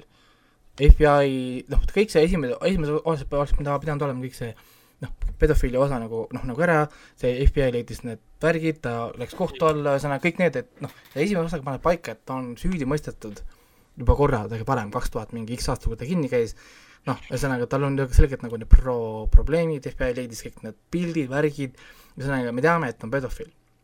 aga nüüd lähme natukene nagu tagasi korraks. hakkame vaatama, ongi rahad, power, tutvused äh,, kõik need asjad ja, ja samuti nagu sa, ehe sa mainisid nagu Teet, Teet, Teet Bandit, ta oli sama omadus, mis oli Teet, oli Teet Bandil, et kui ta inimestega suhtles või sai nagu nendega rääkima, siis automaatselt tema kontrollis alati igat vestlust ja kõik oma vestluskaaslased kirjeldasid alati kui geniaalset ja meeldivat meest või noh, nagu meeldivat inimest. Et, et keegi mm, -hmm. keegi ei kirjeldanud ka Ted Bundit umbes, et oh, temaga oli paha rääkida või ta oli vastik, kõik kirjeldasid teda samamoodi, et yeah, yeah. meeldiv, sõnaosav äh,, yeah. saad aru, ilusa välimustega inimene, on ju, siis sama jutt käis ka Epsteini kohta. et mm. äh, noh, et näiteks seesama, kus ta pidi see hea näide oli, kuidas ta tuli välja, et oli võltsinud oma haridusdokumendid ja taheti lahti lasta, noh, tööst, mis ta kunagi tegi, mille kaudu ta siis jälle mingi raha endale kuskilt kandeldas. Ülemus läks teda lahti laskma ja moment, kui ta Epsteiniga rääkima hakkas, ta unustas põhimõtteliselt ära, et ta pidi ta lahti laskma ja asi lõppes sellega, et ta paar aastat peale seda, kui ta pidi lahti laskma, sai ta partneriks. ahah, no vot. et ma, ma, ma tahaks teada, kuidas selline inimene suudab inimesi kasutada. see on pigem palju huvitavam küsimus peale selle no,, sest teistele küsimustele me teame vastuseid juba. jah, et, et aga... kuidas see toimib, kuidas ta rääkis, äh, näiteks mm. neil oli ah,, need ühe korra ainult näitasid, ainult ühe korra nad näitasid reaalset videot, kus Jeffrey Epstein rääkis. see oligi esimeses episoodis või? see on mingisugune ta... katkenud jah, seal mingisuguse äh, advokaat tegi ta käest, küsis mingi paar ja ro rohkem ei olegi või? ei kõik? ole mm, wow. kõik, ja siis nad räägivad kogu aeg, kui osav rääkijad on, kui kõvad on ja aga samal ajal nagu ühtegi klippi mitte midagi meil ei ole tegelikult Jeffrey Epsteinist rääkimas. noh, Ted Bundi selles dokumentaalseerias oli küll näidata teda rääkimas ja ma vaatasin ka, jumala viisakas, artikuleeriv inimene, näeb hea rahulik, välja. rahulik, istub, kuuleb, kuuleb sind ära noh. ja siis pärast räägitakse sulle, kuidas ta käis metsas äh, tegemas kõik need asju, mis ta tegi. tükeldamas ja lõistamas ja ma ei tea, mis tal seal olid seal. siis tuleb okse peale selle, sa mõtled, issand jumal, nagu kuidas üldse võimalik on, et selline inimene olemas. kuule, aga tõmbame jah, sellele teemale nüüd joone alla. Henrik on juba väga ootusärevust täis, et ta saaks rääkida, rääkida oma filmidest ja, ja seriaalidest, mis, mis ta vahepeal on vaadanud aga ja, palun, Hendrik. jah, kuna, kuna minu tänane aeg eh, meie podcast'is jääb eh, lühikeseks, et ma räägin oma filmidest ja seriaalidest, mis ma olen kodus vaadanud ära ja siis ma kahjuks pean lahkuma. aga ma etteruttavalt mainiks veel seda, et sarnaselt Ragnarile olen ka mina näinud siis uut prantsuse filmi, mille nimi on Meie kaks, nii et äh, ma nõustun kõigega, mida vend äh, Ragnar sellest filmist hakkab rääkima, suurepärane film. soovitan kõigile Artisesse ja Sõprusesse vaatama minna. nii, aga siis ma, ma tegin niisuguse toreda asja, et ma vaatasin lõppude lõpuks ära David Robert Mitchell'i äh, mis see nüüd on siis, teise filmi või? teise täispika filmi või? ei ole. kolmas vist oli. kolmas täispikk film. David Robert Mitchell on siis see tüüp, kes lavastas It Follows'i, millest sai äh, päris suur hitt äh,. aasta oli siis kaks tuhat viisteist põhimõtteliselt. Cannes'is oli ta aastal kaks tuhat neliteist ja viisteist hakkas ta siis USA-s levima. oli ka isegi PÖFFil. ma eeldan, et siis kaks tuhat neliteist PÖFFil äkki või? ta oli meil kino, äh, kino, kinolevis oli ka kinolevis oli ka, see oli siis õudusfilm, millel oli üsna unikaalne idee, aga see oli hästi indie õudusfilm, hästi niisugune väga vaos hoitud äh, pildikeelega ja visuaalses ja audiovisuaalses, audiovisuaalses, audiovisuaalses mõttes väga vaos hoitud, aga samas ka väga andekas. Äh,. väga, väga kõhe, ronis naha vahele, ronis igale poole, kuhu ta vähegi ronida sai, ronis naha vahele, väga andekas, väga äh, niisugune julge ja, ja, ja kunst, kunstilik, kunst, kunstifilmilik õudusfilm, on ju, Ragnar? ja olen sinuga täiesti nõus. aga tema järgmine Robert... film ei olnud miskipärast õudusfilm äh,. ei olnud jah, ta võttis kätte ja tegi selle niisuguse filmi nagu Under the Silver Lake. see on siis üle-eelmise aasta film, kaks tuhat kaheksateist äh,. filmi peaosades on siis, peaosas on siis tegelikult ei keegi muu kui äh, Andrew Garfield ehk siis meie kõigi lemmik äh, ämblikmees. jah, Andrew, Andrew, Garfield on tegelikult väga andekas äh, näitleja ja, ja film ise on väga kummaline. seda ma olen kuulnud küll äh, sellest, jah ma omal ajal, vot ma omal ajal sain ka täpselt samamoodi aru, et kui see lõpuks välja tuli, ta ju isegi Cannes'is linastus taaskord. tüübil on kaks filmi järjest Cannes'is linastunud, David Robert Mitchellil kui ta lõpuks välja tuli, siis ta võeti kriitiliselt väga, kriitikud olid pigem segaduses. Äh, et äh, esiteks pole õudusfilm ehk siis kõik ootasid ju It Follows režissööride õudusfilmi ja teiseks keegi ei saanud nagu täpselt aru, et, et mida, mida helli see tüüp siis tegi lõpuks mm. -hmm. Ja tõesti, see hea küsimus. Äh, ma olen väga üllatunud ja mul on nii kahju, et ma seda omal ajal kinos ei vaadanud. Äh, omal ajal, kaks aastat tagasi. Selles mõttes, et väga äge film. ma olen, ma vaataks seda uuesti mingi aasta või kahe pärast. tõesti väga krüptiline, väga sürreaalne äh,, täiesti sõge, sõge, sõge film. täiesti haige film äh,. puhtalt sellepärast, et ta on nagu mingisugune äh, David Ronald Mitchell on tundub, et ta on tohutu suur äh, mingi, mingi vanema, ei, ta on tohutu suur Hitchcocki fänn. mulle tundub, et ta on tohutu suur Hitchcocki fänn. ja sellest, äh, sellest lähtuvalt ta justkui tegi nagu sellise Hollywoodiliku Los Angelese, Los Angeleses Hollywoodis aset leidva loo, kus me panen kokku kogu selle niisuguse, niisuguse meeletu virvarri, milleni tahavad kõik jõuda.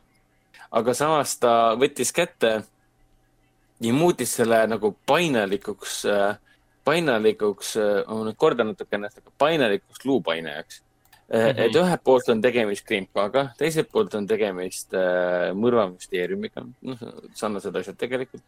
kolmandalt poolt on tegemist täieliku mingisuguse mütoloogilise veidra õudusfilmiga Äh, neljandaks on tegemist üldse mingisuguse, ma ei taha seda sõna kasutada, aga ütleme niimoodi, et ähm, äh, täiesti, täiesti piiridest väljuva äh, vandenõufilmiga nii-öelda mm. -hmm. ja ta, aga tal on väga veidrad äh, suunad, kuhu ta läheb, ta ei ole otseselt nagu tänapäevaste aktuaalsete teemade kallal järav film vaid ta pigem nagu läheb sinna Hollywoodi minevikku nagu kuldajastusse ja võtab selle Hitchcockist väga kinni ja püüab justkui äh, arutada seda, mis teeb justkui Hollywoodis Hollywoodi. Et on ta siis nii dekadentne või, või ei ole või on ta hoopis väga kaunis ja võimas ja kõike seda. et noh, kui te ei ole näinud Under the Silver Lake'i äh,, siis kindlasti soovitan ah,. teises peaosas oli Riley Keo ka yeah.. keda me oleme nüüd päris tihti siin näinud juba. PÖFFil nägime äh, selles Onnikese nimelise õudusfilmis äh, Lodge. The Lodge'is ja siis ta oli Mad Max Fury Road'is ja. Seal ta oli jah väiksem roll, aga tal oli ah,, ta oli, kas tema oli selles, selles Lars von Trieri selles um, House that Jack built oli ka või? jaa tema Sellest, oli ja... Äh, ühe, ühe ohvri rollis, mis oli väga vastik. ta oli ühe ohvri rollis ja ta oli selles Netflixi Jeremy Saulneri filmis ka, Hold the Dark. aa, ah, õigus, jaa, tal oli suurepärane roll seal. kui, kes pole Hold the Darki vaadanud, siis see on väga creepy film. see on jah Netflixis olemas, seda tuleks uuesti vaadata. seal oli, The Darkis oli peaosas Jeffrey Wright. Jeffrey yeah. Wright on siis tead omakorda Westworldist ehk siis väga andekas ja väga sümpaatne vana the Dark on see film, kus esimesed pool filmi lihtsalt on nagu kõik räägivad poolsoistades ja mingi, mis nad kõik nii vaikselt räägivad, järsku hakkab mingi mul... hästi vali vägivald peale, sa ehmatad selle peale. mul oli ka samamoodi, et pani heli kõvaks, rääkige kõve, ma ei saa aru, mis te räägite. ja, ja siis tuleb Aga... mingi kakskümmend minutit kestab shootout mingi, ahah, ahah.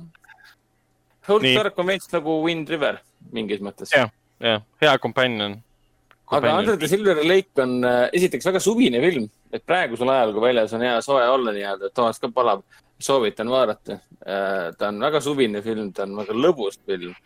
ta on, ta on nagu weird as fuck film selles mõttes. tal, ta, Disaster Beast tegi sellele muusika ja ta, see on üks päris äge muusik, kes teeb, noh, muusikat nii filmidele kui ka videomängudele ka ja, ja see muusika on kohati umbes selline, et mida ma vaatan, kas ma nüüd vaatan tõesti Hitchcocki või?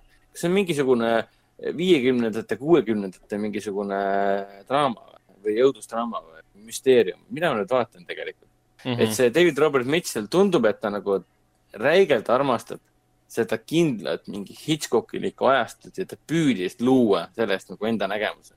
ja film mm -hmm. kestis pärast päris palju ka, sada kolmkümmend üheksa minutit äh,. Ütleme nii, et selles filmis, sellele filmile on väidetavalt nüüd tekkinud isegi äh, omaette äh,, ta on muutunud kultusfilmiks, sest äh, on tekkinud eraldi fännid, kes on hakanud seda filmi äh, lahti krüpteerima. sest kuna ta tegeleb väga paljude äh, krüptiliste nii-öelda elementidega, olgu selleks siis saladused või äh, müsteeriumid, mida peab ise hakkama lahti võtma, lahti tegema, mõistatama, kuidas üks asi viib teiseni. no umbes nagu Uncharted, noh, et oo, ma teen siin selle jublaka lahti, vaatame, mis edasi saab äh,.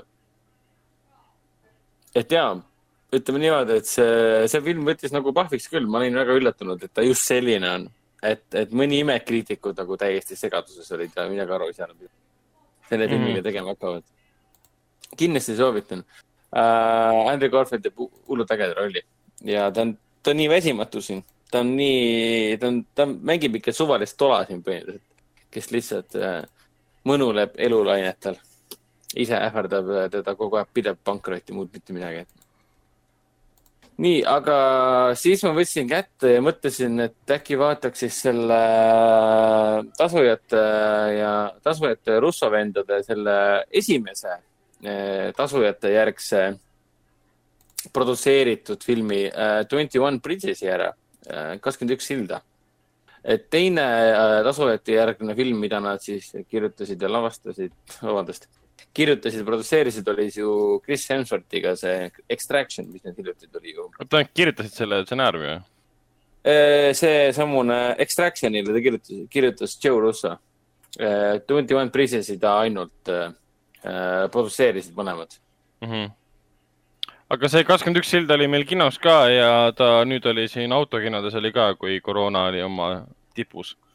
ja uh,, noh, noh, oled, olete ju treilerit näinud, et noh, omal ajal ma täpselt sellel põhjusel nagu filmi nagu vahele jätsingi, sest uh, ei tundunud huvitav mm -hmm.. noh, okei okay., kogu kontseptsioon seisneb siis selles, kogu mõte, idee, loo idee seisneb selles, et uh, ühel õhtul äh, kaheksa politseinikut New Yorgi, Manhattani, noh, Manhattani politseinikud saavad kuuli. kõik tapetakse põhimõtteliselt äh, sõjaväelasliku äh, täpsusega ära. täielik, täielik, täielik hullumaja põhimõtteliselt.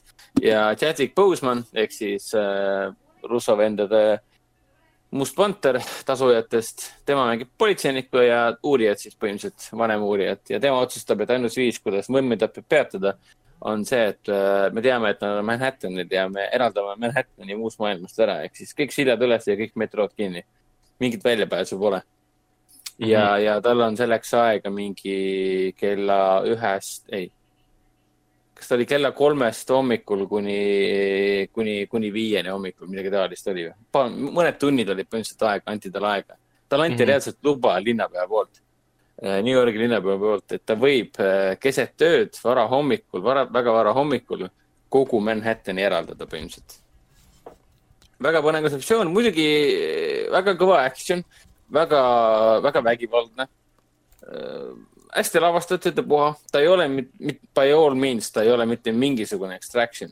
Extraction'i, sarnaselt Twenty One Bridge'ile on extraction'i lugu äh, samamoodi, noh sa oled umbes näinud, sa oled näinud seda, sa oled juba näinud seda ja see ei üllata sind väga mm.. aga samas see execution kui selle, no see lavastus kui selline, no ta hoiab sind äh, pinges, aga extraction ikkagi mõjus nagu omaette äh, noh, kuidas seda nüüd öelda, meistriteosena võrreldes Bridges'iga.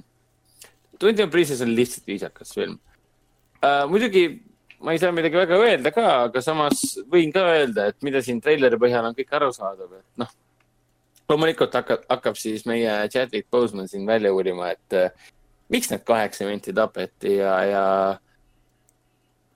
kas süüdi on ainult võmmi, kas süüdi on ainult võmmitapjad ja nii edasi. lõpus tuleb välja, et politseinikud on tegelikult süüdi, jah no umbes midagi sellist äh, aja jooksul hakkab välja, välja tulema, et põhimõtteliselt film algab justkui väga emotsionaalsete äh, tegudega ja mida rohkem hakkab lõpupoole jõudma, seda rohkem hakkame aru saama, et ahaa, ahaa, tegelikult ei olegi need võmmid nii puhtad, kui nad tunduvad olevat. milline üllatus. Milline... et mõni võmm vääriski surma tegelikult, isegi kuuli pähe. milline rabav süžee lahendus, sellist asja poleks küll kunagi osanud oodata. aga mind üllatas see, et ta oli, suutis väga, väga viisakalt selle kõik ära lahendada, et ta ei muutunud kordagi nagu tänu jumalale liiga igavaks äh, ega liiga labaseks ehk siis äh, oli näha, et justkui see Extractioni lavastaja Sam Hargrave oli siin ainult puudu äh,. selle lavastas keegi Brian Kirk, kellest ma nagu suht midagi ei tea. lavastanud siin mingisuguseid seriaale, millest ma ah,, ta on isegi kolm episoodi troonide mängul olemas. Boardwalk Empire ja Loot, Looterile ka, Dexter ka. aga noh, ütleme nii, et mõni ime, et see film Twenty One Bridges siis äh, on kergesti unustatav. Tal, tal otseselt ei ole midagi väga meeldejäävat äh,. aga noh, ütleme nii, et meie sõber Chadwick on äh, väga, väga mõnus. ta on, väga raske on teda vaadata ilma ette kujutamata teda musta vande kostüümis, siis ma kogu aeg kuulen kõrvust seda mingit Wakanda aktsenti mm.. kogu aeg on mingi get this man a shield või oh my god. see natuke häirib see, et ta mängis nii hästi seda paganama T'Challat, oi T'Challa, jah, T'Challat. Tal on et Netflixis no, ka üks film, see. Mrs äh... King või? jah, jah, täpselt. ja ma olen kuulnud selle kohta, et see olevat veits kehvik, kehvik. aga eks mm -hmm. ma mhm. vaatan selle ka ära mulle Cedric meeldib ja Cedricu pärast ma seda näha tahtsingi. et noh, kui te soovite vaadata siukest äh, korralikku, ausat äh, võmmi, võmmipäti filmi, siis äh, muidugi soovitan. Aga kui tahate ikkagi näha midagi sellist, mis on hingele, siis, siis tuleb ikka Heat'i vaadata pigem. sest üldjoontes Tony Princess nagu meenutabki, nagu oleks äh, režissöör suur äh, Michael Manniti Heat'i ja The Shield'i, teleseriaal The Shield'i ja ma ei tea, selle, mis see oli, David Ayer või? David Ayeri Street Kingsi fänn või mm -hmm.? Sihuke, oli David Ayer tegi Street Kingsi Keanu Reavesiga? ja, ja, ja. ei no,, Ayer, Ayer tegi, Ayer tegi Mean, mitte Mean Streets, vaid selle ai, ah mul on, ta tegi Schwarzeneggeriga. David Ayer tegi Street Kingsi.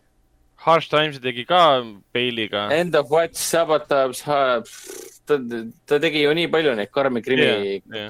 võmmidraamasid, et noh, mõni ime, et tulevad paremad asjad meelde. ehk siis kokkuvõttes sa tahad öelda, et see kakskümmend üks silda põhimõtteliselt läheb nagu David Ayeri krimkade hulka aga ta ja. pole ja ta ei jõua nii suurtesse kõrgustesse kui, kui Heat, mis on niikuinii absurdne tase, kuhu jõuda no,. Heat on, noh, see ei ole jah, ütleme väga huvitav asi, millega võrrelda, et täpselt, aga samas ta, samas, samas ta pole nii halb kui näiteks, mis see oli, see Den of Thieves, kus mis kestis kaks ja pool tundi või kolm tundi, ma ei tea, aeg seisis seda vaadata. ja, see oli tõesti, sa nägid, mida nad teha tahavad, aga see ei see Den of Thieves, oh, miks sa üldse mainid ah.? mäletan, me tulime.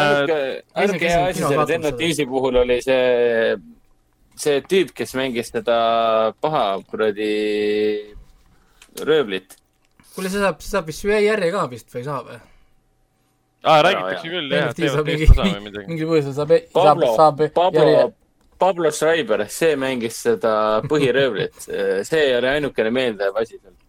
okei okay., ainuke meeldiv asi selle filmi juures oli see, kui me kinosaalist väljusime Plaza's, siis äh, keegi järjekorras, kui me hakkasime väljuma, ütles, et ma pole ammu kinos käinud, aga see oli hea film, siis me mingi, issand jumal, see oli intelligentsi solvav lause, et nojah, aga Mait File vaielnud, nii et äh, mis sa teed, mis sa teed? Õnne, õnneks Bosemani, Bosemani post äh, tasujate filmi kohta seda öelda ei saa, pigem viisakas. aga noh, kui tahate korralikku action'it ikkagi näha, siis nagu, et silm puhkaks ja aju naudiks, siis on ikka Extraction, mis praegu Netflixis saadaval mm. -hmm. või siis äh, Skyscraper. Raiko, palun.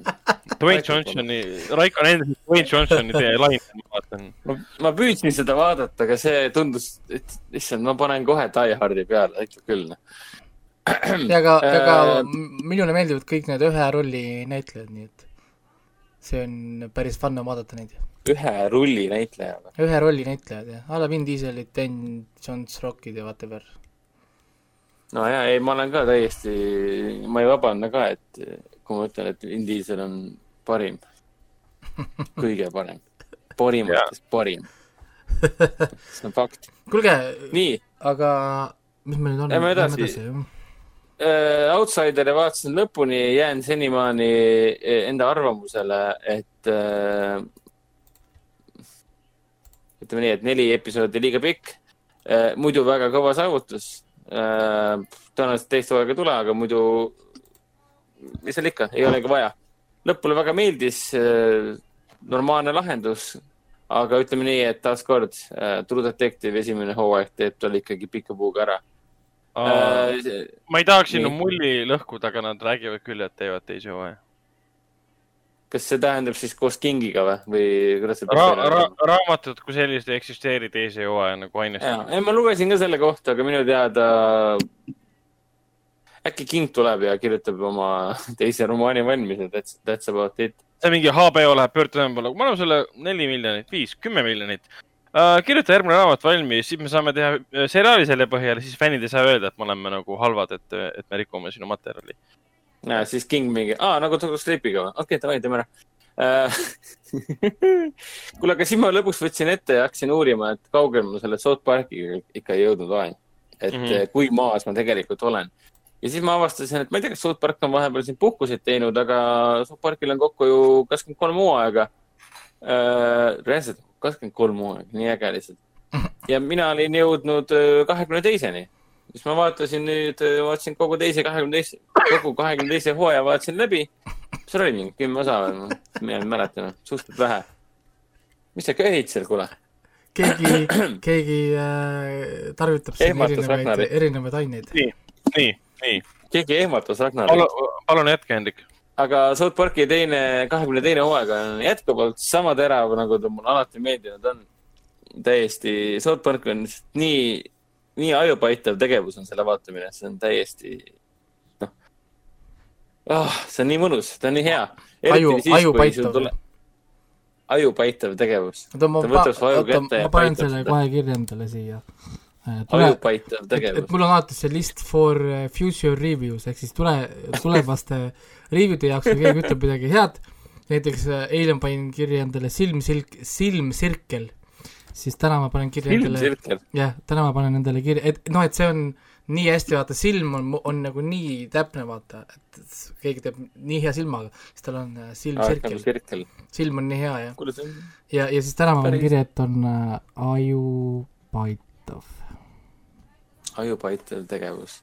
Et noh, eriti, eri eriti need kohad, kui see vana hea Al Gore tuleb tagasi. Al Gore tuleb ikka veel tagasi oma Man Per Pigiga. kes siis on põhimõtteliselt, tuleb välja, et ta on mingi hull teemal. kaks osa järjest pandi Al Gore'i. Al Gore ikka veel räägib sellest, kuidas ta tahtis presidendiks saada ja kuidas ta sai Oscari ja ja siis ta on väga pettunud äh, South Parki lastes, et äh, mind ei kuulanud, näed, nüüd on Man Per Pig tagasi ja äh, hävitab teie linna kohe ära ja siis avastavad selle Man Per Pigi ehk siis äh, Äh, inimese karu äh, ja searistand ehk siis on mingi teemonlik olevus, mis jookseb ringi ja tapab inimesi. Äh, avastavad siis selle mõistatust ja mis iganes veel, aga kahe osa läbivaks jooneks oli see, kuidas South Parki politseijaoskonna ülem, politseiülem äh, tahtis kogu aeg koju minna ja Red Dead Redemption kahte mängida. aga kogu aeg oli vahe lahendada mingisugust jama, kus kedagi tapetakse. sest kahekümne teise hooaja põhiteemaks on ka kooli tulistamine. aga see on muudetud umbes selliseks, et mitte keegi seal South Parkis ei pööra enam kooli tulistamisele mitte mingisugust tähelepanu, sest see on muutunud samasuguseks igapäevaseks tegevuseks nagu, ma ei tea, kõndimine või, või mm, -hmm. või ma ei tea, lind lendab. et noh esimeses ja teises osas üks, üks lastevanematest läks äh, närvi selle peale ja hakkas karjuma, et mis teil viga on, miks te keegi ei pööranud sellele tähelepanu. kuna tegemist oli naisterahvaga, siis kõik mehepojad hakkasid arvama, kõik, kõik teised inimesed hakkasid arvama, et kuule, ei tea, kas tal on päevad või menopaus on lähenemas. ja siis, ja siis hakatigi hästi sügavalt uurima ja nagu põhimõtteliselt tekkis tegelikult uurimisepisood sellest, et ei tea, kas sellel naisel on ikkagi siis menopaus lähenemas. ahah ja siis, ja siis episoodi lõpus ütles, et ei, mul olid, mul, mul alles praegu algasid päevad. mul ei ole menopausi. ja siis teine tüüp mingi, oota, oota, aa, oota, aga koolitulistamine on päris siis või? Oota, mida sa ajad nagu kogu, ja see on absurdne lihtsalt, mismoodi South Park suudab sellised asjad muuta, et noh. ma ei mäleta nende tegelaste nime siis, üks on see, jah, see pole tähtis et nad samal tasandil nad jätkavad ka, et see on aina, aina, aina hullemaks ja lollimaks, aga samas intelligentsemaks. oota, aga South Park praegu kestab või? on tal mingi yeah. mingi live episood? ma, ma tahaks näha neid episoode, kus nad jõuavad selle Covid üheksateist ja need äh, Ameerika mässud ja värgid, ma tahaks neid episoode näha Aa, no ma arvan, et ma ei tea, vaatame kohe järgi, et mis kahekümne kolmas hooaeg, millal see üldse välja tuli? isegi kui tuleb hiljem, siis ma arvan, et ikka nad käsitlevad seda, seda. mul ei mõtle, et vaadata jah, mis ajal need tulevad, et ma tahaks neid vaadata, mulle meeldivad jah, siin ausad teemad, et siis seda vaataks hea meelega. kahekümne neljas hooaeg praegu ei ole alanud, kahekümne kolmas hooaeg jooksis kaks tuhat üheksateist. kaks tuhat üheksateist jah, septembrist detsembrini. kaks tuhat kakskümmend pole ühtegi hooaega tulnud, ehk siis ta võib-olla tuleb sügisel nüüd siis uus hooaeg ja, ja siis võetakse kõik ette. ja ma arvan, et see kõik. juba kahekümne teises hooajas on kõik need teemad eh, mingis mõttes sees uh,. siin võetakse need uh, elektritõukerattad võetakse oh, ette. ja, ja. ja see on nii äge, nad võtavad selle nii põhjalikult ette uh,. siis nad võtavad ka selle ette, kuidas Amazoni töötajad, kuidas Amazon käsitleb oma töötajaid. Jeff Bezos näitab nägu. Jeff Bezos on nii äge siin ta on põhiliselt, ma ei hakka, või noh, ta on, ta on põhiliselt, ütleme nii, et Jeff Bezos pole otseselt nagu inimene, ta on enamat kui inimene. ta ei pea isegi rääkima, et sinuga suhelda ja nii edasi uh,. mis siin, mis siin veel oli siis uh,? Ah, ja siis muidugi uh, eestlastele väga loomulik Bolti teema tuleb sisse. sa ei pea kodus välja minemagi, et ühte kindlat asja uh, hakata endale koju tellima. et noh see põhimõtteliselt näitab, kuidas see kapitalistlikult see asjad liiguvad, et rahvas hakkab äh, mässama Amazoni vastu. samal ajal üks väike grupp hakkab ise oma toodet looma ja aeglaselt nad muutuvad ise ka Amazoniks põhimõtteliselt. Aga samal ajal öeldakse, et aa oh,, me, we have integrity, integrity farms. ma ei tea, kas integrity oli vanasti ka mingi teema enne kahekümne teist hooaega. see oli ju Memberberry'de ajal. Integrity, integrity farm'id kasvatati Memberberry'sid. jaa nojah. vend kadus ära või? ei, ta ei mõtlenud praegu, ta läks sügavasse mõttesse. ei, ta vist kadus ära, jah ah.. telefon sai tühjaks okay. Või Hendrik, Hendriku, Hendriku telefon sai otsa, aga tal, tal, ma loodan, et ta ei räägi praegu edasi. tal South, South Park oli vist viimane ka või uh,? jah, ta siin võib-olla oleks. Rick and Mortist rääkis või? jah, okei okay., no siis igatahes ma olen temaga nõus, et äh, South Park on hea asi, kuigi mul on, mul jäi kuskil väga ammu pooleli, umbes siis, kui see PC, äh, PC Principle oli veel teema ja, ja mul jäi siis, kui see direktor läks ähm,. Mina ei tea, ma, ma, ma jätsin ka väga ammu pooleli, ma vaatan kunagi kõik järgi. Pingin ära selle yeah., see on hästi pintsitav asi, ta on tasuta vaadatav, ta on igal pool, neil on vist oma mingi äpp ka vist oli ju. Neil oli see jaa, peaks olema küll, jah. tasuta äpp oli niimoodi, saad vaadata taga täiesti tasuta lihtsalt ilma mitte midagi, ei maksa mitte midagi, reklaame pole, lihtsalt ja. võtad ja vaatad ja ja, ja et selles mõttes, et Netflixist ei pea vaatama ega maksa, lähed lihtsalt see southparkstudios.com või midagi, vaatad sealt ja on korras kõik. kuule, kus ma jäin? Me rääkisime Integrity, Integrity Farmist ja sellest, et seal kasvatatakse memberberry'sid. aa, okei okay uh,. ja, ei, South Park on kahekümne teine hooaeg on Netflixis, aga kahekümne kolmas on ainult netis eh, ehk siis South Parki enda kodukal. ja see on ta tasuta endiselt, tuletame meelde, see on tasuta yeah. vaadatav kõikidele. jah yeah,, absoluutselt, see on äh, pikk, aastaid juba olnud tasuta. oota, oota, Netflixis on nagu esimesed kakskümmend kolm hooaega või ainult kahekümne kolmas? ei ole, Netflix, ma ei tea, mida Netflix teeb. Neil on äh, suvaliselt, neil on suvaliselt võetud, neil on mingi valitud episoodid ja siis on viimane hooaeg vist Nad ei saa, sellepärast ju HBO ostis ka või Warner ostis. Netflixis on mingi neli, seal on mingi neli-viis hooaega ainult, üks oli esimene hooaeg, siis oli mingi best of või top ten või midagi taolist. Neil on see mingi valitud episoodide system. siis oli mingi viies, kuues, seitsmes ja siis on kakskümmend kaks. sellel, nendel osadel asjadel on niimoodi, need pikad sarjad seal osadel animedel on ka tuleb mingi uus, no uus anime nii-öelda, noh, Netflix ostab mingi, ma ei tea, õiguse asja, ja siis saab näidata animet, millel on tegelikult alla mingi kümme hooaega. siis lähed sinna, vaatad mm, -hmm. näitab ainult kaks hooaega yeah.. oota, aga meil on kümme, on ju. siis äh, esimene hooaeg tegelikult, mis seda Netflix näitab esimese hooajana, on tegelikult valitud episoodid, mis on, ma ei tea, nagu aga üheksast hooajast on valitud näiteks kakskümmend neli episoodi. üheksast hooajast on, keegi on valinud mingil põhjusel mingi arvu nagu episoode ja siis on nagu viimane hooaeg on nagu päris hooaeg, no see teine hooaeg näiteks, siis on nagu see, et äh, what, what? noh mm -hmm., väga nagu, nagu segadust tekitav nagu süsteem. mil-, uh, miks või kuidas või, või, või ma ei saanud sellest ja võiks siis nagu otse ja ausalt juba näidata, et näita ainult viimast hooaega siis, noh, ütlegi, et see no, meil ei ole muud, noh, ei saa praegu. Või ma ei tea, aga, aga lihtsalt, et mingi season üks on ja, ja siis on sul mingi valitud episoodid, pole parimad episoodid või mitte midagi, vaid lihtsalt mingi kogus episood ja keegi kuskil valis mingil põhjusel, ma ei tea, noh mm -hmm. siin on veel niisuguseid asju, aga ma olen varem pannud tähele ka seda, et äh, osad sarjad ka samamoodi, tuleb mingi uus sari, noh, mitte uus sari, jälle nagu Netflixi jaoks uus sari, tegelikult on see nagu tuntud sari, siis vaatad, seal on hoopis teine hooaegade arv ja jälle mingi väga veider äh, süsteem, kuidas need äh, noh, osad asjad on seal kuidagi nagu järjestatud või kuidagi niisugune mm. -hmm. jep. aga, aga Hendrik, tahad sa veel midagi, midagi mainida või liigume edasi uh,? minu poolt oleks jah kõik, et pange aga tublilt edasi ja rääkige kannist hästi palju. okei okay,, no selge, aga sinuga kohtume siis juba eelmisel, järgmisel korral. ja, ja, ja Ciao. mina, mina saan ka lõpuks rääkida seriaalidest. jee, okei okay,, tšau, näeme hiljem Äh, ma mainin ära, et ma tegin Solar Opposites'ile lõpu peale ehk siis see, see, see mm, Justin Roilandi ehk siis üks Rick and Morty looja uus seriaal. täitsa tore oli. Äh, vahelduseks on äh, tore vaadata seriaali, mis ei ole nii, mis on Rick and Morty'le sarnane, aga ta ei ole nii, kuidas nüüd öelda, ajusid krussi keerav, vaid ta on kuidagi lihtsam, klassikalisem et selle soovitan, kui, kui, kui leiate. Space Force'i kohta me juba rääkisime, et ta oli kuidagi kuiv äh, Epsteini kohta rääkisime ja võtsin kaks äh, filmi ette, mida ma olen tahtnud. okei okay,, üks neist on tegelikult, mida olen ammu tahtnud vaadata, aga esimene oli äh, Black Rain aastast kaheksakümmend üheksa. see on Ridley Scotti film. see on väga, väga tuttav, kui sa ütled Black Rain, väga tuttav, väga tuttav. Peaks Seda... nagu olema ja, aga ma hakkasin ühel hetkel lihtsalt vaatama Ridley Scotti filmograafiat läbi ja, ja tuleb välja, et mul polnud õrna aimugi, et ta oli sellise filmi nagu Black Rain üldse lavastanud Äh, ja see oli üks ainukene film temast, millest ma ei mitte midagi kuulnud isegi. ja vaatasin, et Nico, see Michael Douglas on peaosas, Hans Zimmer tegi muusika, Jan de Bont filmis. Andy Garcia, täpselt ja. ja, ja Ken, Ken Takakura mängib ka siin.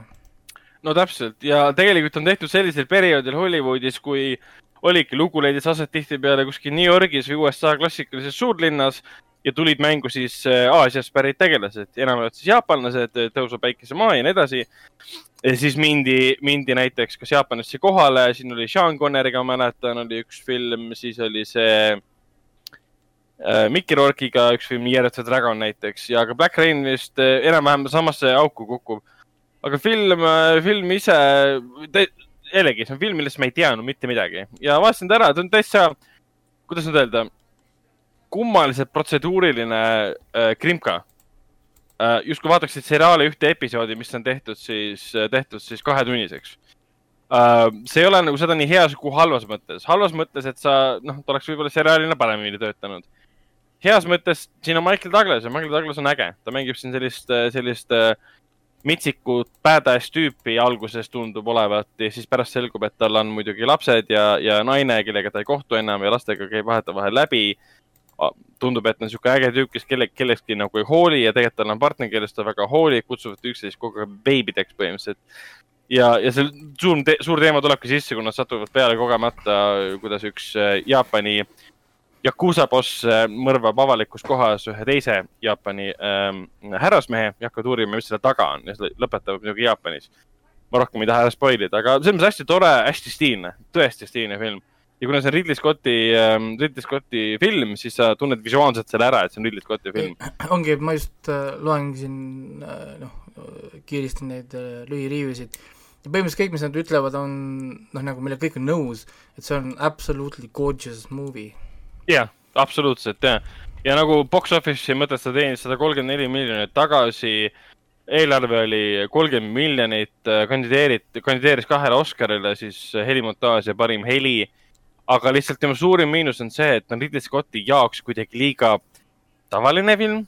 et sul on lihtsalt sõna otseses mõttes uurijad, kes satuvad juhtumi peale, mida nad hakkavad uurima, leiavad süüdlase, kelle tõttu nad lähevad Jaapanisse, hakkavad süüdlast taga ajama, siis juhtub peategelasega üks asi, mistõttu see asi muutub isiklikuks, siis ta kasutab seal kohalikku abi äh, kohaliku uurija abi, siis äh, riskivad oma, oma ameti, oma väärikuse, oma mis iganes äh, kõikide karjäärivalikutega tulevikus et võita siis paha ja selles mõttes hästi hmm. nagu tavaline film Scotti jaoks, aga samas hästi stiilne ja ilus ja äge. kusjuures mul jäi siin üks huvitav äh, review ja võrdlus korra meelde, et äh, vaata, kas see läheb ko kokku ka, et siin üks ütleb, et selle filmi nimi oleks võinud olla Osaka Runner, sest see on äh, Blade Runneri nagu niisugune hinge, hingeline kloon või? Seda ma absoluutselt ei ütleks, peale selle, et seal olid, seal olid mõned kaadrid, kus filmiti Jaapanit võib-olla sarnased, kus oli sarnane muusika taustal näidati kõrghooneid ja kus olid jaapanipärased reklaamid, jaapanikeelsed reklaamid peal umbes nii nagu Blade Runneris. aga sellega kogu see sarnasus nagu piirdub. või see, et lugu leiab aset osas, osaliselt nagu Aasias, Jaapanis äh,, seostub Blade Runneriga, kus oli nii hiina keel kui ka jaapani keel kui ka saksa ja soome keel. okei okay,, see oli uues, uues Blade Runneris, mitte siis vanas, aga ei, selles seoses mina aru ei saa no,. siin on jah, siin on päris pikalt proovib seda lahti, lahti seletada, muidugi põhiline no muidugi siin ka kiidab ikka muidugi, et on aesthetic visual experience, on ju. no ei ta, muidugi võib-olla sarnasusi on, kuna Ridley Scott ise ju Blade Runneri lavastas. ja, ja võib-olla tõesti selle koha pealt jah, on mingid sarnasused, et kus sa väga otsid neid.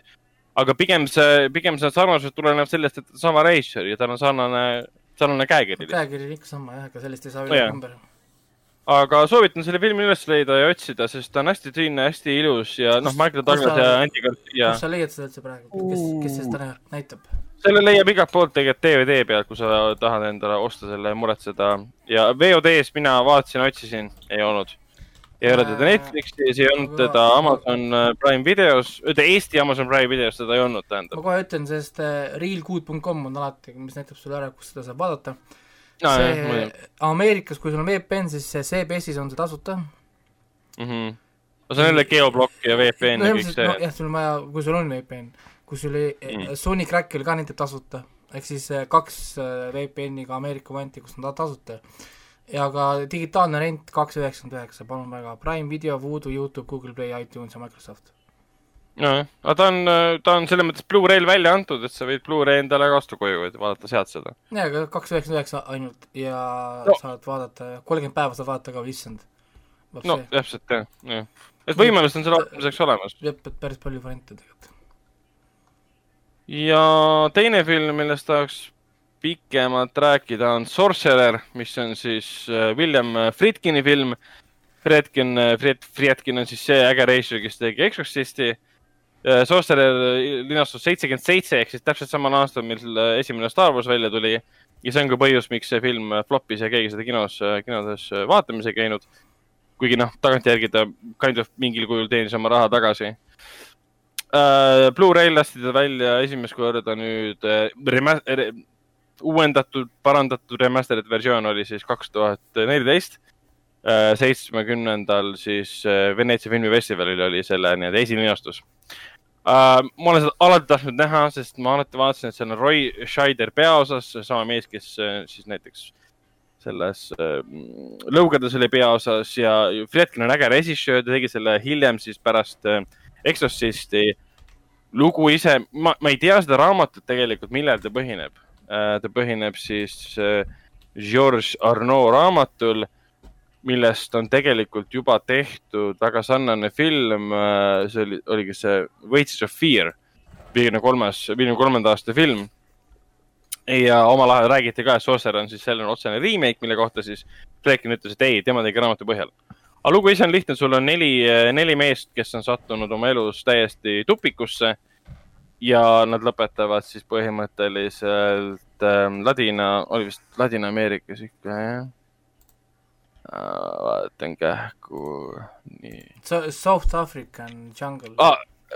Remote Village in Latin America uh,. jah for..., jah, South American Jungle jah, tähendab.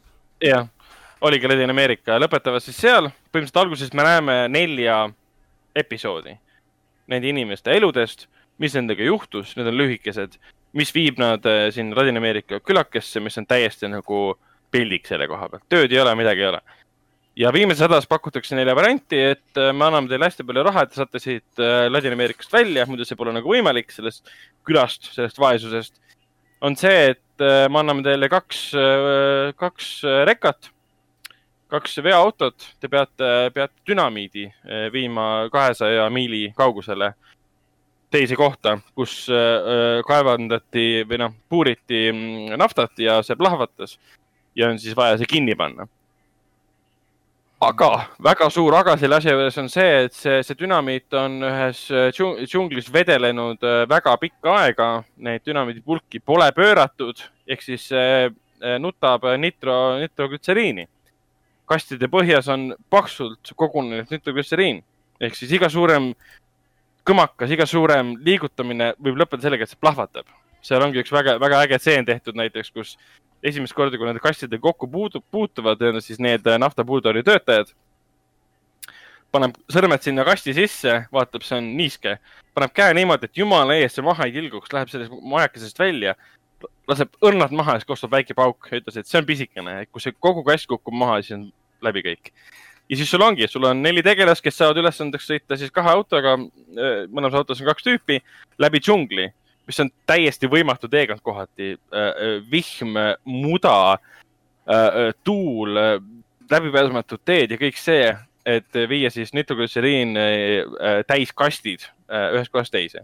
ja tundub, et see on väga lihtne film selle koha pealt, aga see on nii ilus film, see on nii võimas film, see on nii huvitavate tegelastega film ja ta on kohati nii äh, sõnatu film, ta üht, ühtegi üleliigset sõna sulle ei öelda, siis kõik on no pildis täiesti arusaadav, mida tegelased mõtlevad, kuidas, see, kuidas nad välja näevad, see, kuidas nad ringi vaatavad, see, kuidas üksteisele otsa vaatavad, see on, ütleb nii palju juba ära, et sul polegi vaja midagi rohkem selgitada. issand, see film on ja..., on remake, what the fuck? no ta ei ole tegelikult otseselt remake, ma räägin, et see William yeah. Friedkin, tema tegi Oasis of, ta ei teinud Oasis of Fear remake'i ta ei teinud viiekümne kolmanda aasta filmi remake'i, tema tegi otseselt selle George Arnaud äh, raamatu põhjal, aga väga paljud ütlevad, et remake, remake, remake. ei, ma lihtsalt Fred... Äh, jäin lugema seda, noh, seda triviat siin IMDB-st ja siin on küll, ta käis konkreetselt selle Henriga ise rääkimas ka veel, tema filmist sellest äh, nojah, kuigi ta ise ütleb, noh, tema eesmärk ei olnud teha remake'i. aga ta ise ütleb, et see on äh, film, mille üle ta on kõige õnnelikum, ta on kõige rohkem rahul selle filmiga ja eelkõige ka selle tõttu, et see on ähm, tema ähm, nii-öelda kõige raskem film selle koha pealt, et selle võtted olid väga-väga rasked äh, džunglis filmida ja see oli nagu tõeline, tõeline piinarikas. et igal suurel reisijal peab olema mingi film, mida on piinarikas teha. a la siin James Gray'l hiljuti oli näiteks see, mida džunglis filmis see Lost City of Z. meil oli Werner Herzogil oli see film, kus ta selle laeva üle mäe viis ja ma ei tea äh,, Francis Ford Coppolal oli siis äh, Ameerika, see Ameerikan, Apocalypse Now. ja Sorcererit ma soovitan vaadata puhtalt sellepärast, et see on tõeline USA kinoklassika, mida omal ajal ei osatud hinnata. hiljem mm. saadi aru, et see tegelikult kuulub äh, väga tähtsale kohale mis puudutab äh, Ameerika filmi ajalugu yeah,, kuidas filmi tehakse. leidsin kohe huvitava fakti et Stephen King on öelnud, see on tema kõige läbi aegade lemmikum film. no vot, jah. sest siin on need horror elemendid ja sellised sügavad inimlikud teemad olemas ja need on Kingile kõik olemas, olemasolevad asjad ja no näiteks siin on stseen, kus lihtsalt minnakse autoga üle silla. sild, mis on tohutu suure jõe kohal, sild, mis on väga selline habras ja mida nad ületavad vihma ja tuulega ja see näeb nii ilus välja ja nii võimas välja, mõtled, kuidas on võimalik, et nad üldse filmisid seda seitsmekümne seitsmendal aastal, noh, varasemalt äh, siis, kui nagu võtted toimusid. ja, ja teevad, kaks korda lähevad autoga sealt üle ja see on tõeline horror tseen, sest sa lihtsalt ootad, et nüüd läheb midagi metsa. nüüd lihtsalt tuleb ja ühel hetkel tulebki tohutu suur äh, siis nagu põõsastik või siis puu ähm, mm, latv on vette kukkunud puu ja ründab nii-öelda tegelasi ja see koht on lavastatud umbes niimoodi nagu koletid ründaks neid. Nad ise ehmatavad ja röögivad ja kaadri kui need on ikkagi jõudlusfilmi reisijad tegelikult, Fredkin ise, siis eh, ta ongi selle, lavastanud selle koha umbes niimoodi nagu, nagu koletis ründaks ja see on lihtsalt tegelikult oksad, mis lähevad neile vastu ja teevad neile viga. et äh, jaa, see on absoluutselt. siin on, äh, siin on üldse, üldse, et ma jäin lugema, et sellel filmi traagilist saatust on esimene suur probleem oli siis noh, see Star Warsi tulek on ju, et ta, see, see ühesõnaga nad sai flop'i, sest Star Wars võttis kõik publiku ära. ja teine mure oli siis see, et nad proovisid ennast Euroopas siis turundada. siis ja, äh, see Sorcerer nimega läks nihu, sest inimesed vaatasid, see on järg The Exorcistile, sest see on sama äh, lavastaja umbes tahtsid seda minna vaatama siis, kui The Exorcist potentsiaalselt järgi tuli välja, et see oli hoopis midagi muud, siis kõik hakkasid rääkima, et see on mingi skämm või mingi jama, ühesõnaga. Nad proovisid seda mm -hmm. uuesti rebrändida, ehk siis minna tagasi selle viiekümne kolmanda aasta filmi nimega.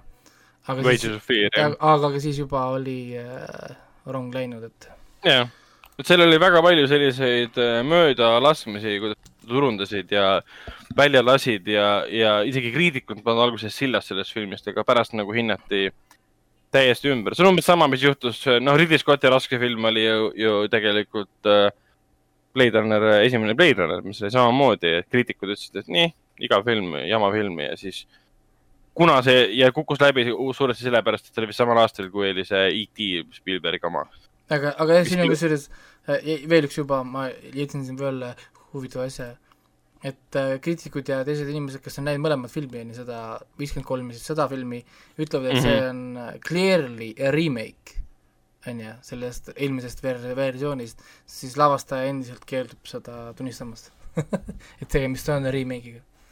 Kuigi nagu no. inimesed, kes on mõlemat näinud, ütlevad, et see on väga selge remake no ma ei ole mõlemat näinud, et ma tagantjärgi võib-olla võtan selle ette, et vaatan, kas siis Friedkin reaalselt lavastas ümber neid stseene ja olukordi, mis olid filmis või ta lavastas stseene ja olukordi, mis olid raamatus, et selles mõttes noh, erinevad asjad. ja ka väga keeruline aga... on saada, samast raamatust saada isegi tihtipeale sarnaseid filme, sest nojah, sõltub, kuidas sa, kuidas sa, kuidas seda raamatu põhjal lavastad. kui mõlemad reisijad võtavad täpselt sellesama stseeni ette, nii kui see raamatus on kirjas ja teevad selle põhjal nagu stseeni valmis, siis noh, siis tulebki see sarnane aga siin, no siin on ikka reisijate käekirjad antud juhul ka mängus ja, ja, aga võib-olla tõesti, et lihtsalt ei taha tunnistada, et ta kohati võttis eeskuju sealt. no lihtsalt, näed, siin on veel üks asi, ma, viimane fakt siis. see on Quentin Tarantino top viis läbi aegade parim no, film. Jah, üldse, üldse ei imesta, et siin Tarantino hiljuti ütles ka, et tema siis kahe tuhandete e-, kõige lemmikum film vist oli, on siis Social Network, David Fincheri sotsiaalvõrgustik mis on päris huvitav valik, aga ma vist pean temaga isegi nõustuma. aga miks mitte, Social Network on minu arust väga huvitav film. absoluutselt, täiesti nõus. mina, mina vaatasin kinos seda suht, see silmapunn, see oli ekraanil liimitud, sest oli hästi hea tempoga, hästi nagu niisugune, noh, hästi kiire, hästi palju pakkus sulle kogu aeg, minu arust on väga hästi tehtud film. Mm.. kuigi no, ka... osad väidavad, et see on mingi jura ja värk ja ma ütlesin, ei, minu arust on väga hästi, Eisenberg on ei. nii ideaalne ka sinna rolli absoluutselt, ja filmi kunstiliselt on see võimas film, äh, eriti kui sa vaatad, kuidas on see lavastatud ja kokku, kokku, äh, kokku pandud ja muusika ja Aaron Sorkini stsenaarium ja, ja see on lihtsalt no,. seesama, äh, minu arust üks parimaid stseene, seesama see Facebooki tegemine ja blogimise stseen jah, jah. see on minu arust nii hästi nagu, noh, see on nii palju hästi, ma olen seda paar korda elus vaadanud nagu jooksvalt, vahepeal lähed tagasi jälle kuskil mm. pluss Teliasse või kuskil videolahendusse või noh, tasuta filmi, kuskil aeg-ajalt hüppab, hüppab sisse jälle, siis on kurat, ah ma ikka korra hakka vaatama, vaatan nagu veel ja iga kord, kui ma nagu vaatan, siis ma olen tegelikult nagu okei okay,, kurat, see mm. oli tegelikult ikka päris hea film, kurat see on üks nendest filmidest, mida sa ei taha nagu kinni panna, see, kui sa vaatama juba satud, siis sa jääd ka vaatama.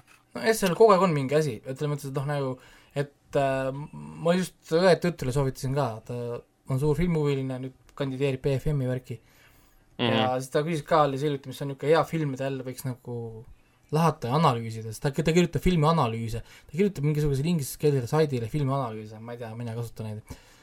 ja mm, -hmm. ja siis ta, keegi Psychopassist, on ju, ma soovitasin talle seda animet, millest ma siis eelmine kord sellest rääkisin äh,, vaatas Psychopass ära, ta oli nii nagu ta oli nagu rahul, noh, see on of course, sest noh, miks sa ei peaks olema sellega rahul, eriti kui sa oled nagu just siis, kui sa, eriti just, kui sa oled nagu see nagu tegija poole pealt või noh, nagu tahad nagu sealtpoolt vaadata, siis mm -hmm. soovitasin talle nüüd samamoodi vaadata ära see social network. et äh, just sellesama ideega, et lihtsalt vaata korra noh, nagu noh, kuidas seal on nii palju nagu asju, mida nagu vaadata ja õppida sealt. et see on tegelikult nagu nii keeruline skript tegelikult, kui niimoodi hakata mõtlema korra, tegelikult päris, päris on. keeruline skript on tegelikult seal asjal, et kui noh, loed nagu näiteks seda skripti ja vaatad, mis nagu hiljem nagu noh, ekraani peale nagu tuli, siis on ikka noh, sa näed, kui osav on tegelikult see lavastaja, ühesõnaga kui noh. no selle ümber käisid need legendaarsed lood ka, et ta tegi selle, selle avatseeni juures tegi mingisugune viiskümmend duublit umbes ja, ja, ja näitlejad olid väsinud juba ülikiirest rääkimisest ja, ja et seal oli, et ta ülimalt anaalne, mis puudutas seda, et teeme uuesti, teeme uuesti, teeme uuesti, teeme uuesti, see polnud hea. Ja, ja pärast siis tuli välja, et kuidas ta neid äh, filmi siis nagu, see on tavapärane praksis tegelikult, kuidas seda filmi nagu, sellise filmi monteeritakse. et ta lõpuks sai kõik materjali kätte, mis talle nagu oli tema arvates ideaalne, perfektne, mis vastas tema ootustele. aga see oli see, et need ei olnud filmitud samal ajal, lihtsalt esimene, esimene versioon, mida nad filmisid, oligi suurepärane kasutame seda kaadrit ruunimärast. Ja siis nad tegid näiteks Jesse Eisenbergiga oligi viiskümmend korda ja kasutasid neljakümne üheksandat ja panid selle kokku. ehk siis see kaader, kus äh, Mara reageerib äh, siis sellele Eisenbergile on pärit täiesti erinevatest aegadest, aga lihtsalt ta sai kätte selle reaktsiooni, mis ta soovis.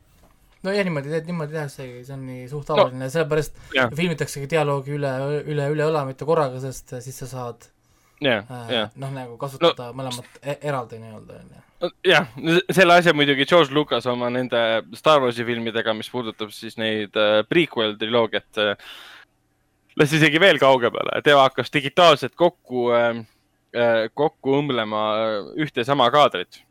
ehk siis äh, kui ühes kaadris oli mingi probleem sees, see tegi selle pooleks, ühe kaadri jätti, ühe kaadri poole jättis alles, kus oli õige asi ja võttis kolmandast, viiendast, kuuendast, seitsmendast, kaheksandast, kümnendast duublist võttis äh, teise poole ja pani selle kokku ideaalselt, et siin on kõik asi, mis ta tahab olemas. et ta põhimõtteliselt, ta mitte ainult ei kasutanud äh, seda, mida nagu Vincer tegi, mida väga paljud teevad, et ta digitaalselt õmbles kokku ühe, ühe kaadri, kahest erinevast kaadrist, mis on just ühest ja samast kaadrist no,, aga lihtsalt. kui sul on jah Star Warsi raha, siis on pohhu vaata et.... no ei noh, aga see ei olegi nagu raha küsimus selle koha pealt, et digitaalselt kokku õmblemine, lihtsalt sa vaatad äh,, ideaalselt läks sünkrooni ja asi korras. aga lihtsalt äh, noh, jah. vot, aga lähme edasi, lähme edasi, lähme edasi kino, kinofilmidega. ma loetlen äh, siis need filmid, mis nüüd esimesest juunist alustasid näiteks nii kinos Sõprus kui ka kinos Artis. ja nüüd siis viiendast juunist alustasid ka mitmed filmid siin Apollo kinodes ja ka siis ka Artises et näiteks esimesest juunist alustasid kinos Artis äh, Meie kaks suvetüdruk äh, äh,. Vii- ma mainin ära esimese juuni filmid siis Bamse ja äh, Kõuekell, Jean-Paul Gaultier, Chic Freak, Kuuba võrgustik, asjad, millest me ei räägi, Emma ja nüüd siin nüüd siis viiendast juunist alustasid kinodes ja ka kinos Artis QT kaheksa, esimesed kaheksa filmi, mis on siis Quentin Tarantino äh, karjäärist äh, rääkiv äh, dokumentaalfilm, äh, siis tuli ka, vähemalt Artis alustas viiendal juunil siis Värske veri. Parimate kavatsustega, see on siis koroona ajastu tipus netis linastunud lühifilmide mm, kasseti kogumik ja siin nüüd Apollo kinodes jätkab näiteks siin ja üldse suuremates kinokettides siis nüüd suurtes kino, kinodes jätkavad siis näiteks Bloodshot näiteks ja mis jõudis vist alla nädala kinos olla ta ja siis. ta ei olnud, ta ei olnud üldse kinos, ta oli esi, esilinastuse aa, esikus oli ära, jah, täpselt, jah. ja siis see õudus, õudusfilm, vene õudusfilm ja ka sünge mm, metsa õudus ja siis ka mm, Disney, Disney Pixari edasi Onward ja siis ka mm, romantiline draama Ma loodan veel. aga meie või noh mina antud juhul siis Raiko ei ole vahepeal kinos käinud ja Hendrik läks ära, kuigi ta on minuga näinud seda ühte filmi. mainiks siis filme, mis linastusid, linastuvad praegu siis ähm, kinos, ähm, kinos Artis ja osad neist on ka kinos Sõprus. üks neist on Meie kaks, mis on siis, mis on siis Filippo Menengeti ähm, draama äh, kahest pensionärist, kes on olnud väga pikki aastaid tegelikult omavahelises äh, suhtes on siis äh, naised, siis ma toon selle igaks juhuks siis välja. ja see on ühelt poolt tundub nagu, nagu suhtedraama. absoluutselt ei ole seda. ma olin ühelt poolt meeldivalt, meeldivalt nagu leevendunud, et issand, see ei ole see film, mis ma arvasin, et ta on see film võtab sellised tuurid sisse, et mit, ma arvan, mitte keegi ei oota seda, mis sellest filmist välja tuleb. ühelt poolt ta algab tõesti nagu kahe nagu vanapaari elust Äh, kuidas nad peidavad näiteks seda, et neil on suhe siis ähm, tütre eest ja tema perekonna eest. keegi sellest nagu ei tea, naabrid ei tea, mitte keegi ei tea, sest see on tabu nende jaoks. Neil ühel hetkel tekib muidugi konflikte, kuna Niina mm,, üks, üks osapool siis äh, tahab, et äh, noh, ta võiks rääkida sellest oma lastele ja me liigume eluga edasi ja tema muidugi seda ähm, teha ei, ei taha ja see tekitab ühe teatava olukorra, mis muudavad, muudab siis kogu nende kooselu ära ja nende plaanid ära. aga ma ei taha loost väga palju rääkida, sest ükskõik, mida ma räägin, ütleb ära, mis filmis tegelikult ähm, toimuma hakkab. küll aga ma kasutaksin selliseid iseloomustavaid, selliseid ähm,, kuidas öelda, žanri moodustusi.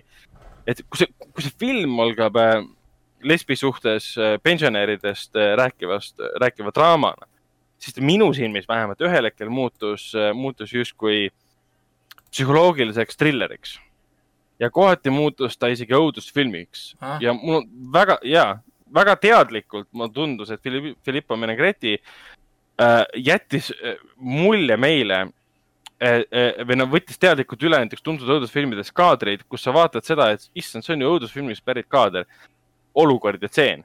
et kuidas see saab olla sellises filmis, mis algas niimoodi aga samas see on nii sobilik ja loomulik, et see on sellises filmis. ta on umbes niimoodi, kui sa vaatad filmi algust, esimesed viis minutit või kümme minutit ja hüppad kuskile, siis sa mõtled, kuidas ku,, kuidas kurat, vabandust väljenduse eest, jõudis see film siia punkti.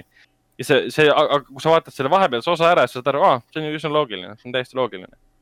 et äh, film looliselt, kui me võtame kõik muud žanrilised äh, ise, iseärasused nagu välja looliselt võib-olla väga üllatav ei ole aga kui sa paned need žanrilised iseärased sisse, siis see aitab sellel filmil täiesti nagu omasoodu kasvada ja ma olin nagu tõesti üllatunud. kestab vähe, ta kestab peaaegu natuke üle tund kolmekümne ja, ja kui palju suutis üks film ära teha nii vähese ajaga, mida väga paljud filmid ei suuda teha siin kahe ja poole tunniga. et äh, seda ma soovitan puhtalt sellepärast vaadata, et selle filmi poster, selle filmi treiler, selle filmi mulje ei vasta absoluutselt sellele, mida tõenäoliselt ei vasta sellele, mida paljud vaatajad võib-olla, võib-olla arvavad sellest filmist. selle koha pealt üllatus tõ, tõ, tõsine üllatus ja hea algus kino, kinohooajal ka. Äh, teine film on Suvetüdruk. Äh, ütleme niimoodi, et selle filmi postrid ja treilerid on, on, on täis ähm, poolpaljaid naisi või poolpaljast naist mis nagu viitaks sellele, et see on selline poolerootiline seksikas film, kus on ainult paljad naised ja, ja, ja hästi palju seksitakse ja kõik seda. seda on ka, seda on ka. aga see film ei ole sugugi äh, mingisugusest äh, lihtsameelsest neiust, kes on litsakas või midagi laadset. see on see tegelikult, ähm, ta on siis Rebecca Zlotowski lavastatud prantsuse, prantsuse, nimetatakse talle puhas draama Äh, kuigi ta jätab endast mulje, et ta on selline mahlakas ja ilus ja seksikas, ootamatu. aga ta ongi seda, aga ta on tegelikult ühe, siis ütleme, ta on suureks kasvamise lugu, see on, äh, tahaks öelda, et naiseks kasvamise lugu, aga see on lihtsalt tegelikult inimeseks, mitte, mitte inimeseks, aga kuidas nüüd öelda no ütleme jah, suureks, suureks kasvamise lugu, et inimene kogeb. inimeseks saamise lugu see kõlab, kõlas halvasti, ma tean, ta on pigem nagu siis äh, kui sa koged mingeid asju, siis sa õpid tänu kogetule ennast ja eelkõige ennast ja ka maailma paremini ja te, ka teisi siis paremini, paremini tundma ja sellest see tegelikult ka, ka räägib, et, et siin, siin, siin peategelane, ütleme, on siis, on siis, mis ta oli, seitsmeteist või kaheksateist aastane äh,. ma igaks juhuks, jah, jah, kaheksateist aastane naima, kes lõpetab siis kooli ja tema siis, tema siis ähm, täditütar äh, tuleb talle siis külla, elab Cannes'is Lõuna-Prantsusmaal, kes äh, täditütar on Sofia, kes on siis täiesti nagu, kuidas nüüd öelda, kunstvipsmehed, kunstrinnad, kunstnägu, kõik. ja elab äh, väga saladuslikku elu, kus ta lihtsalt käib meestega ringi ja tal on kogu aeg hästi palju raha.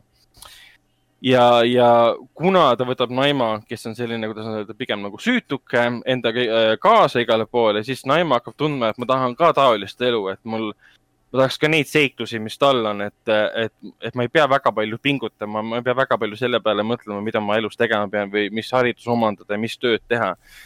et talle tundub kõik väga lihtne äh, sellele Sofiale ja siis me saame aru, et, et ka selline elu sellel Sofial pole sugugi lihtne, kui väga palju-palju vaeva ja tööd ja psühholoogilist murendatust selline asi üldse tekitab. miks ta üldse on teinud ennast kunstlikuks, kõik siuksed asjad teemad tulevad sealt välja ja see Naima samamoodi, et see, ma ei taha jälle spoilerdada, ma ei taha jälle pikemalt sellel nagu peatuda. aga, aga ütleme niimoodi, et kui see film tundub, et ta läheb teatud suunas ja see tundub, ma võin vanduda, et igal, igal vaatel tekib sama tunne, et nüüd ta läheb sinna, seal Naimaga juhtub midagi kohutavat. ütleme niimoodi, et ütleme peaaegu et juhtubki, aga hoopis teises võtmes.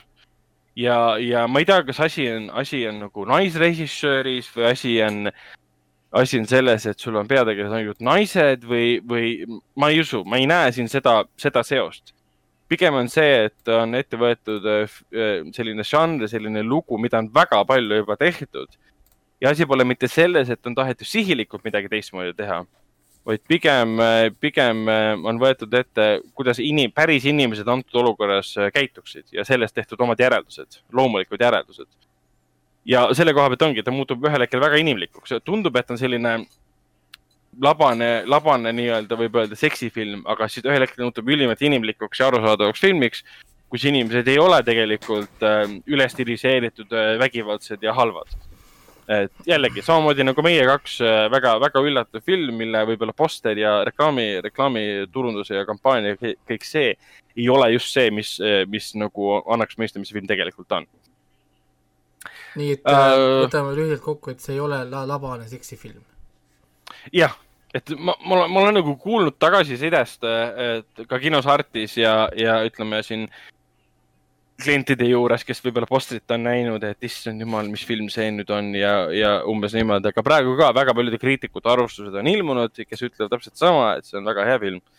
ja, ja, ja mm, nii meie kaks kui Suvetüdruk on selline hea algus eh, koroonajärgsele kinoajastule. suvele. ja suvele, täpselt jah, mõlemad on väga, okei okay,, üks on, Meie kaks on sügisesem film, äh, Suve, Suvetüdruk on väga suvine film uh,. mis veel, sõpruses jookseb selline film nagu Ussi sugu, mis siis, äh, mis siis eesti keeles, tähendab inglise keeles on Inherit the Viper.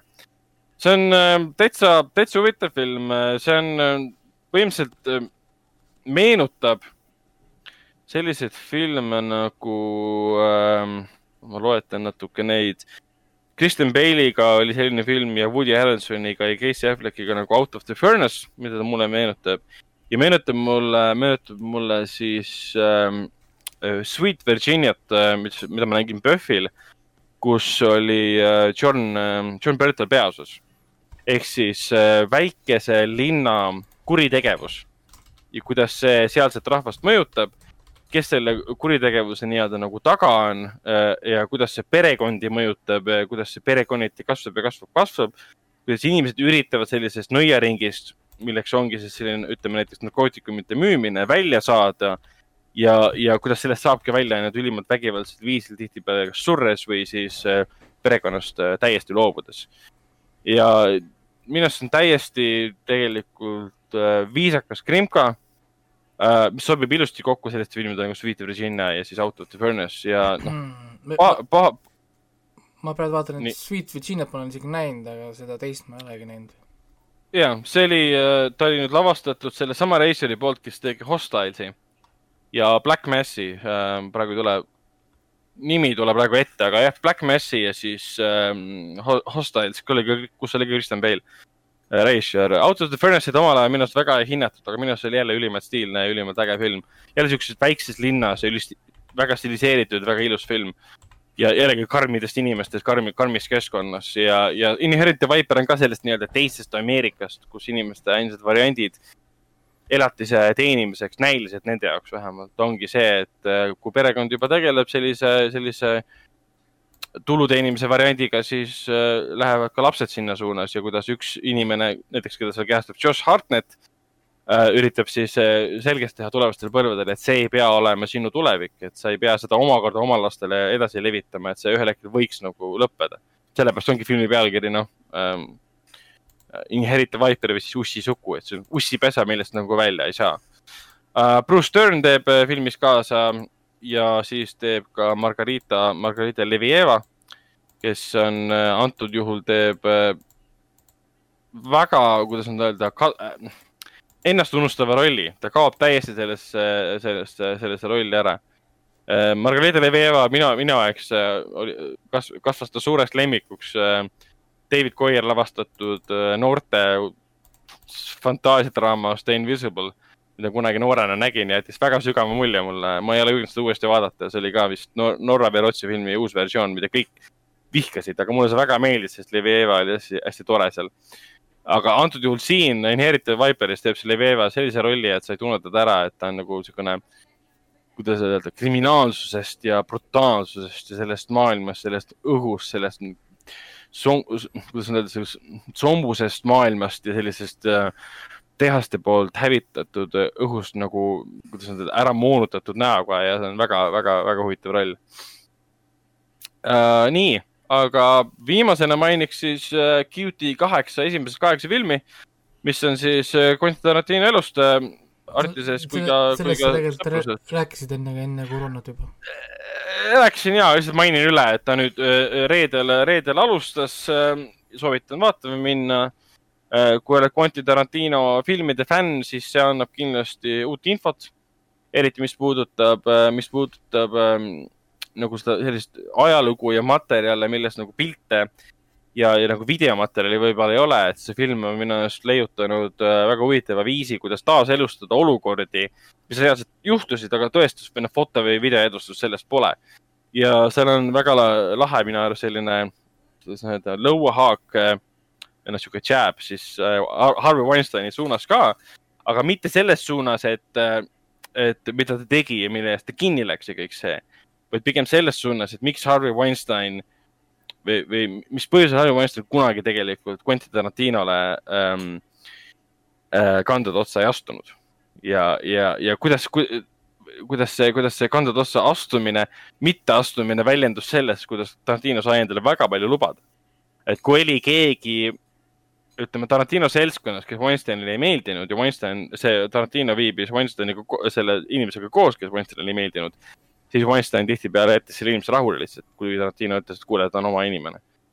et tal oli väga palju mõjuvõimu siis Weinsteini üle ja ma saan temast täiesti aru, ta oli tema kuldne, kuldne lõvi, kuldne lammas. nojah, aga millal me nüüd saame dokumentaalfilmi, et äh, Quentin Tarantino on Hollywoodi sala äh, mingisugune masohhist äh, annab nais, naistele rolli, sest need näiteks tal oma jalgu või ma ei tea, ta tahaks nende jalgu pesta või see on ainult aja küsimus, raudselt tuleb varsti mingi teema. ei no seda, seda me teame, et äh, Youtube'is on kõik need äh, montaažilõigud olemas, kus on kõik tema filmides kokku võetud äh, naiste varbad äh,, jalad mis on siis väga tähtsal kohal äh, kõikides, peaaegu kõikides Tarantino äh, filmides. ja siis me teame, et tal on see fetiš. et millega see Brad, Brad Pitt tegi nalja ju selle oma auhinna, kui ta sai oma selle auhinnakõne oli.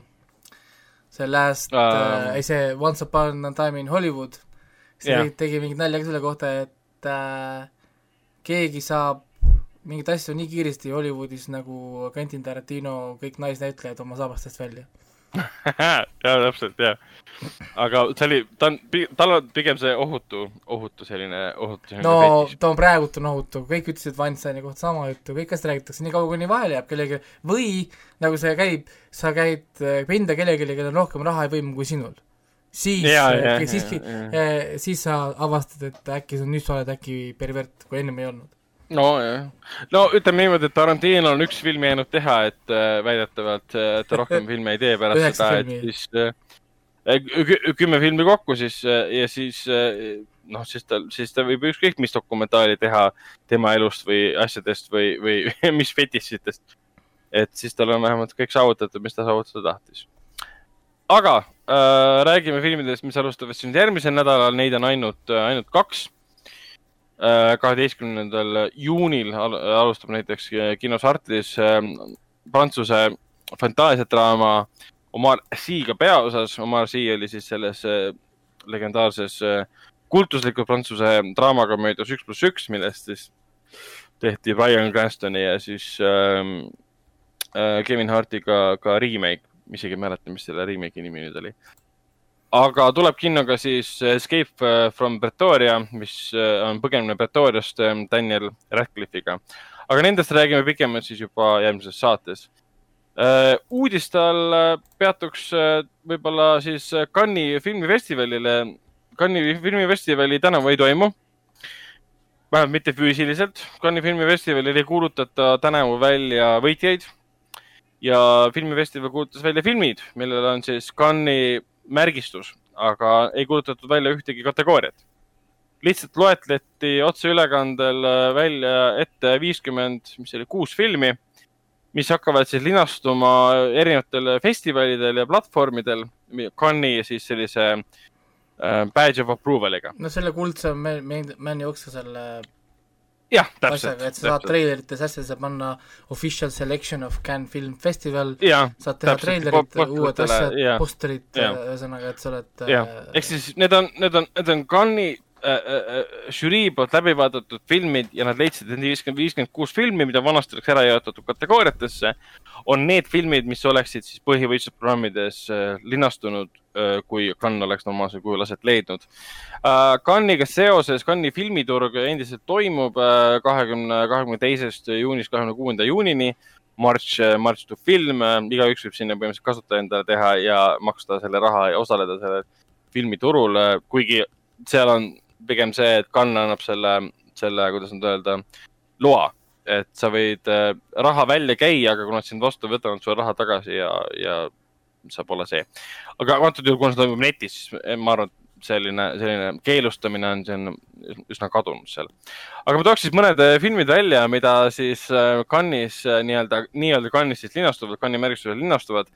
on näiteks siis The French Dispatch, mis on siis Wes Andersoni uus film meile tuleb siis, kui ma ei eksi, sügisel. Siin toodi välja näiteks Summer of eighty five, mis on legendaarse Prantsuse režissööri uus film. Francois Ozoni uus film siis. ja Naomi Kawase uus film, Naomi Kawase, tuletame nüüd meelde tal oli, ta on siis Jaapani režissöör ja tal oli üks film, mida ma väga nautisin issand, miks mul see filmi nimi meeles ei ole. kas ta oli Sweet Bean või ah,, The Morning Forest, kui ma ei eksi. Jah äh,, suurepärane, fantastiline film, ma tahtsin tema ühte uuemat filmi ka PÖFFil näha, aga siis me ei jõudnud selle, seda vaatama minna. tema uus film on olemas ja Steve McQueen, temal on lausa kaks filmi.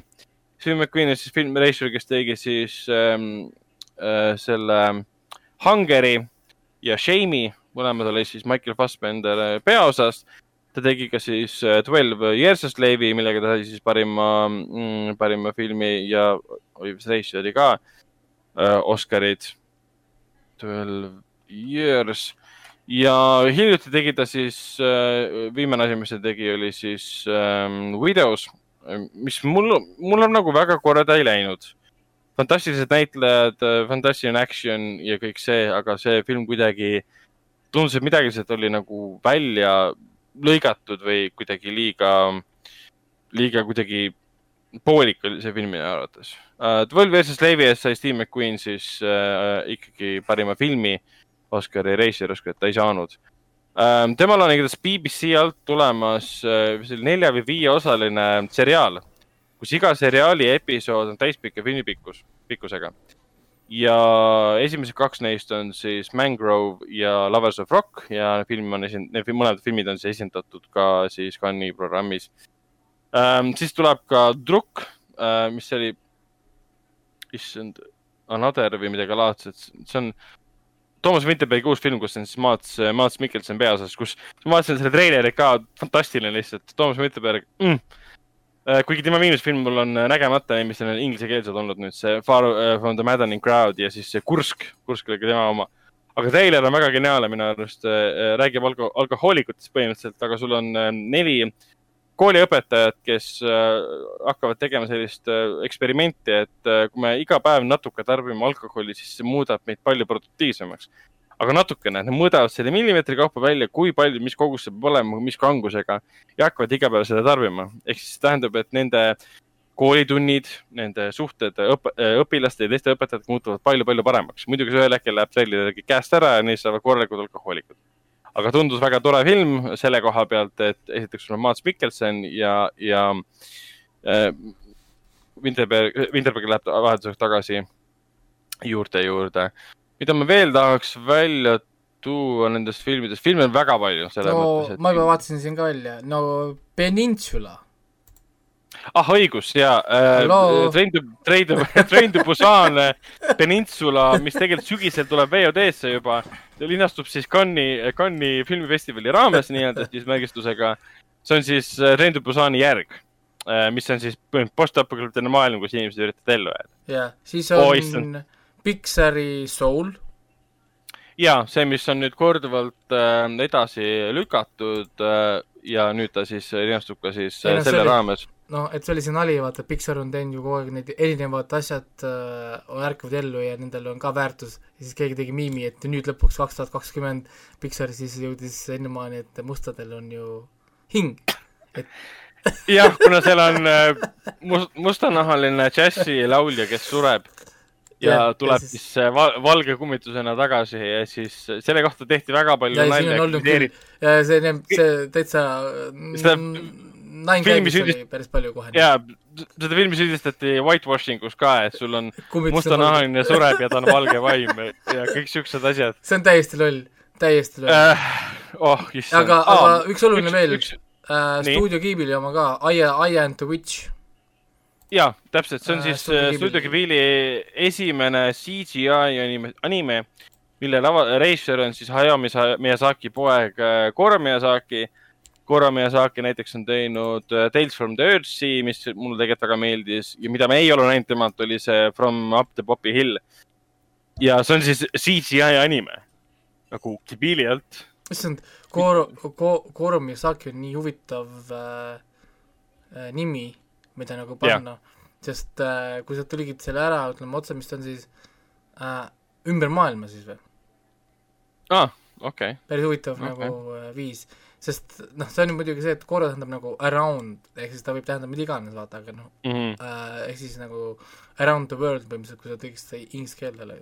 väga huvitav äh, nimi, mida panna oma lapsele no Hayao Miyazaki on väga huvitav äh, reisijal, reisijal, reisijal ka Uh, tema viimase filmi kohta, mida ta praegu teeb, räägiti ka, et uh, kuna sellel filmis on väga palju animatsioone, siis tõenäoliselt valmib ta vist aastaks, vist oli kaks tuhat kakskümmend kolm või neli.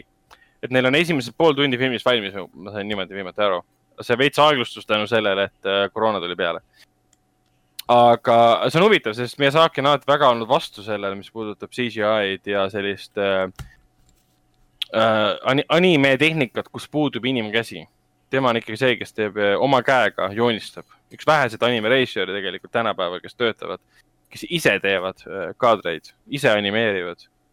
ja no üks tegelikult, eh, tegelikult see, kui ma ei eksi, siis äh, mitte Hosoda, vaid äh, Shinkai, kes siis Your Name'i tegi, ise, ise animeerib ka oma käega, kuigi tal on, noh, nüüd on meeskond muidugi tagasi hmm,, suuremad. siin on kakssada Steve McQueen'i filmi ja ma just mainisin neid, Mangrove ja Love of Rock, mis on siis osa, osa seriaalist tegelikult. et lihtsalt noh, ainult selle jaoks, et sa lihtsalt, et öelda, et näed, meil on Black Lives Matter ja George Floyd, ma loen siin, ainult selle jaoks on tõenäoliselt valitud. samuti on siin teine PC hunnia, mis mind üldse ei sobi, on see, et äh, kuna varasemalt on Cannes'ile ette heidetud, et ainult äh, kolm naislavastajat, kaks naislavastajat saavad sellesse listi, seekord on neil neliteist. noh valitud okay.. ja, ja samuti nad valisid selle umbes suure, suure teatega, näed, nüüd meil on. Ehk siis nüüd on ju, kui mina oleks üks nendest naisrežissööridest, siis mina kohe tahaks küsida, et kas sa valisid mind, sest ma olen hea või sa valisid mind ainult selle jaoks, et öelda, et ma olen valinud äh, naisrežissööri? no seda me ei tea, aga antud juhul aga see vari jääb, vari jääb nüüd igavesti sul järgi käima. no see vari jääb praegu küll, aga samas Cannes on alati lähtunud ikkagi kvaliteedist ja nad on selle puhul saanud ka peksa Äh, äh, äh, ütleme meedia käest, et miks teil nii vähe naisreisijad no, on. aga nüüd, kui nad ise kohe viskavad selle välja, sa teed listi ära ja kohe ütled, aga meil on neliteist naist, siis noh mm., mina enam ei usu, et see on ainult kvaliteediga seotud. vot see on põhjus, miks mina olen väga no. suur sellise PC kultuuri vastane, sest see sa ei, sa varjutad igavesti inimeste nagu reaalsed oskused ja väärtused ära, sest me nüüd ei tea kunagi, kas nad valiti sellepärast, et nad tõepoolest tegid hästi või ainult sellepärast, et ta nüüd on teatud no. värvi, teatud sogu, whatever, on ju. ütleme nii, et seda nii aga seda nimekirja tuleb võtta ka hoopis äh, teises äh, kontekstis, sest varasemalt on kritiseeritud Cannes'i põhivõistlusprogramm Palme, Palm d'Ori äh, äh, tulevase võitja siis ähm, kategooriad, et seal on vähe naisrežissööre. antud juhul on viiskümmend kuus filmi siin, ehk siis need kõik ülejäänud kategooriad ka ehk siis meedia pole varasemalt tegelikult pööranud mingit tähelepanu tegelikult teistele kategooriatele, kas seal on mehi või naisi, need alati huvitab põhivõistlusprogramm. et antud juhul me ei tea nendest neljateistkümnest naisest, kes üldse oleks olnud kas, kas nad üldse oleks olnud põhivõistluse programmis äh...? ehk, ehk siis, kui, kui see nimekiri teha lahti niimoodi, et millised neist on siis põhivõistluse programmis, siis oleks ikka olnud tulemus see, põhivõistluse programmis oleks olnud üks naine või poleks ühtegi olnud. aga antud juhul me ei tea seda. see on, ikka ma ütleks seda, sedasama listi, seesama list, mis on. Varasemalt on seda... terves selles full listis on olnud ainult kaks või kolm naist, see aasta on kuusteist. jah, kuusteist mis on rekord ka e. eelmisel aastal oli kaks või kolm või? eelmine aasta, eelmine aasta oli kaks või kolm ja kaks tuhat kaheksateist äh,, ei, eelmine aasta oli neliteist ja kaks tuhat kaheksateist oli üksteist. ehk siis mm, -hmm. ehk siis ennem seda nagu oh, oligi liiga nagu vähe, ehk siis nüüd on hakanud nagu järjest nagu iga aasta nagu järjest nagu tõusma. ehk siis noh mm, -hmm nagu no muidugi siin kohe jälle tuleb mingi tobeda sõnumiga koos. mina eelistaks, no. ma räägin, et kui niisugused asjad tehakse lihtsalt nagu noh, ilma igasuguse kommentaarida, noh nagu ilma igasuguse kommentaarita. ehk siis sa oled Gunn, sa annad oma listi välja, sa ei kommenteeri mitte midagi, see on list, meie valik. on kõik mm.. sa ei kommenteeri, et meil on, näed, Stephen Queen, Black Lives Matter, e, kõik, kõik jura, mis sa sinna juurde viskad, ti-, nagu devalues kogu see protsess nagu. Ära kommenteeri no., sina anna oma, meie valik on siin, me tegime oma valiku ära ja ongi kõik sina nüüd, kõik muu juba, mida inimesed ise teevad, on nende enda mingi huinja, kes hakkab seal värvi otsima, kes otsib seal sugu, see on juba nende teema. aga kui sina ise juba nagu oma nagu listiga koos tood välja selle, siis minu arust see näitab seda, et sa oled nagu noh, see on see vir-, virtue signaling, ehk siis sa tahad saada seda attention'it rohkem kui midagi muud, mis mm. nagu noh, nagu jälle minu jaoks vähendab sinu artistlikku või seda väärtust, mida iganes sina tahad nagu luua no see on seesama, miks ma olen kõikide ettevõtete hästi vastu, kes võtavad poliitilisi äh, niisuguseid nagu argumente kui põhjust, ma ei tea, ennast reklaamida. see on nonsense. A la PlayStation ütleb, oo, et me ei tee PlayStation viie esitlust, sest Black Lives Matter. instantselt PlayStation kukkus minu silmis mingi kakskümmend, kolmkümmend protsenti kohe mm muidugi võib ka võtta ka miks sa või..., miks sa nagu seda teed? esiteks, meil, meil on terve maailm praegu, me, nad võtavad noh, ühe riigi nagu sündmused, meil on Aasia, Aasias on kogu aeg midagi, Hongkongis on meelerahu, meelerahutused, nüüd, kuna sa võtsid poliitilise äh, seisaku, miks sa ei teinud seda Hongkongi puhul? saad aru? Nüüd me hakkame järjest mm. ju kõiki asju võtma, Hongkong on suurem raha sissetooja Sonyle kui terve Ameerika manner miks sa ignoreerisid mm. seda? on ju, saad aru, ja nüüd me jõuame ju järjest Euroopa riikide muredele asjadele, miks sa ignoreerid seda, teist ja kolmandat, see on lõputu, see on rabbit hole, millest ei tule kunagi välja, sest sa võtsid ühe korra mingisuguse poliitilise joone nüüd endale. No ütleme, poliitilise joone koha pealt et see on, see on nüüd kõikidel niimoodi, et, et noh, kui see ei puutu sinusse see..., saad aru, noh nagu konkreetselt, see ei ole nagu otseselt nagu sinuga seotud, siis äh, teadvustamine on üks asi, aga et sa võtad nagu mingisuguse niisuguse nagu konkreetse nagu hoiaku, on ju. no see on umbes nagu firmad, firmad, ettevõtted teevad, oo, equal pay, pay cap. siis ma nägin seda mm., kuidas need firmad said peksa kohe, ahah, teil oli see pay cap, okei okay,, prove it. ja need lõpevad alati sellega, et nad peavad oma kommentaarid ja asjad äh, blokeerima, asju tegema, sest nad ei, sest nad ei saa. sest nad lähevad ko-, nagu vestlusesse, mis ei puutu neisse, neil ei ole seal vestluses mitte midagi teha, aga nad tahavad näidata, et oo, me oleme virtue, meil on teatud mingisugune nagu maailma nägemus, aga selle ajaga, sellega nad tegelikult nagu tulistavad endale jalga, sellepärast et nad unustavad ära, et nende eesmärk on tegelikult pakkuda toodet inimeste eesmärk on toodet tarbida.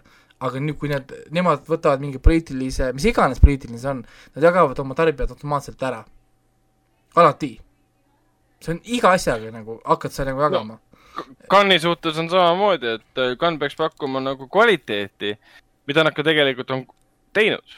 aga, aga kui võtame arvesse selle, et seekord äh, festivali nagu ei toimu ja seekord on viiskümmend kuus filmi lihtsalt välja toodud, siis mõnes mõttes võib seda võtta sellise silmakirjalik noh, selles mõttes ta on veits silmakirjalik, kui varasemalt nad on alati öelnud, et me valime alati kvaliteeti, siis nüüd hakatakse järsku reklaamima seda, meil on nii palju naisrežissööre. nojah, et kuidagi teistmoodi. aga, aga, aga, aga nad teevad seda just siis, kui festivali ei toimu. just siis, kui nad la, la, la, laavad meile ette lihtsalt nimekirja, seda tehakse just siis.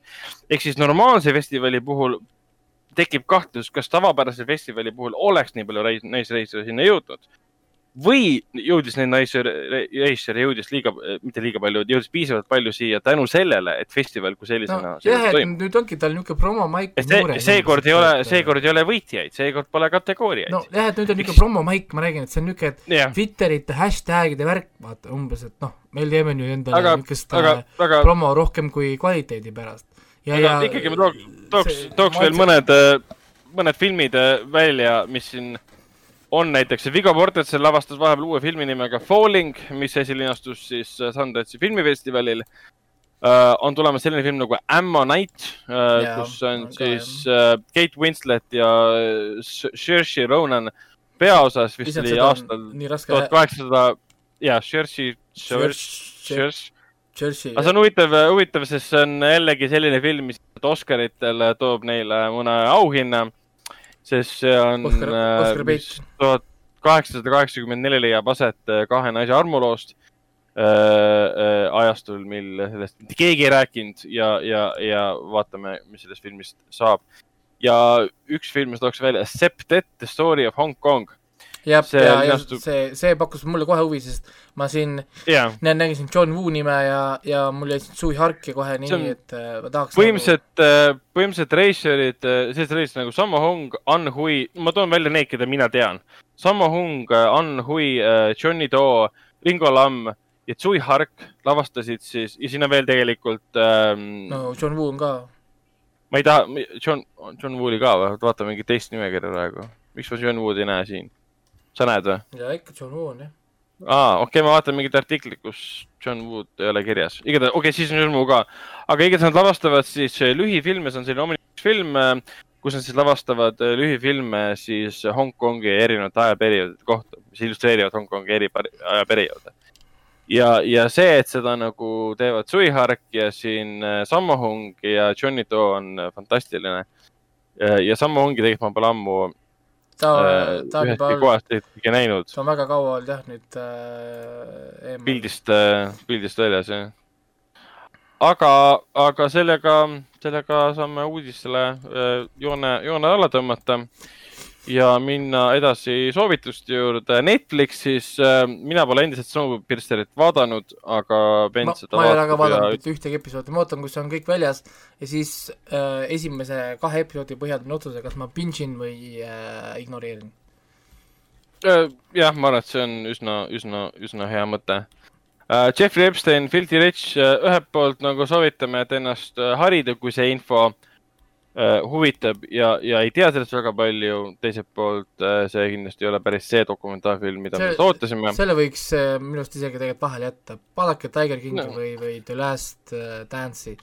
Netflixis see, on veel selliseid uurivaid dokumentaalfilme. nii palju paremaid minu arust krim-, krimkasid, vaadake seda Bundy oma näiteks või, või noh mm., nagu Ah. Ted Bundy oma oli päris hea, Amazon Prime videos on ka üks Bundy oma, oma, seda ma ei ole vaadanud. Netflixis, kui võtad lahti Crime ja Documentary, täitsa sa seal on nii palju asju, mida vaadata, see on, et, et see on üks nõrgemaid, ma isegi ei pakkunud võib-olla terve platvormi peal.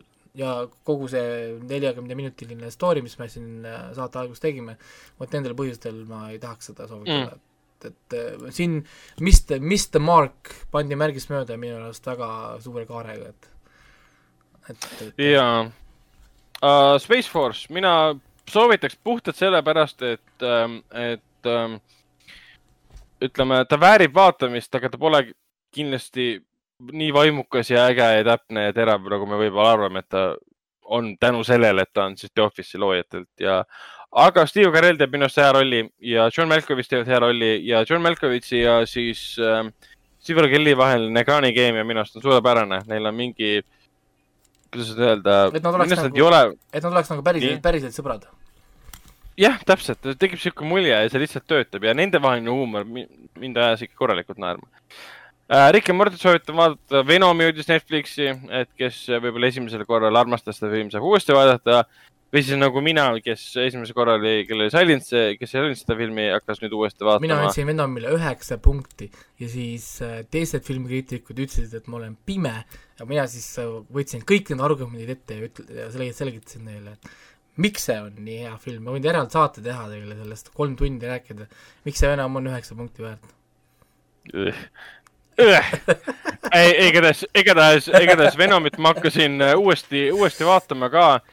Ja ma olen endiselt sellel arvamusel, mida ma kirjutasin omal ajal ka siis äh, kinoveebi arvustuses, et kõik tseenid ja kaadrid, mis ei ole Venomiga seoses, nagu sümbioodiga seoses, on lihtsalt kohutavad.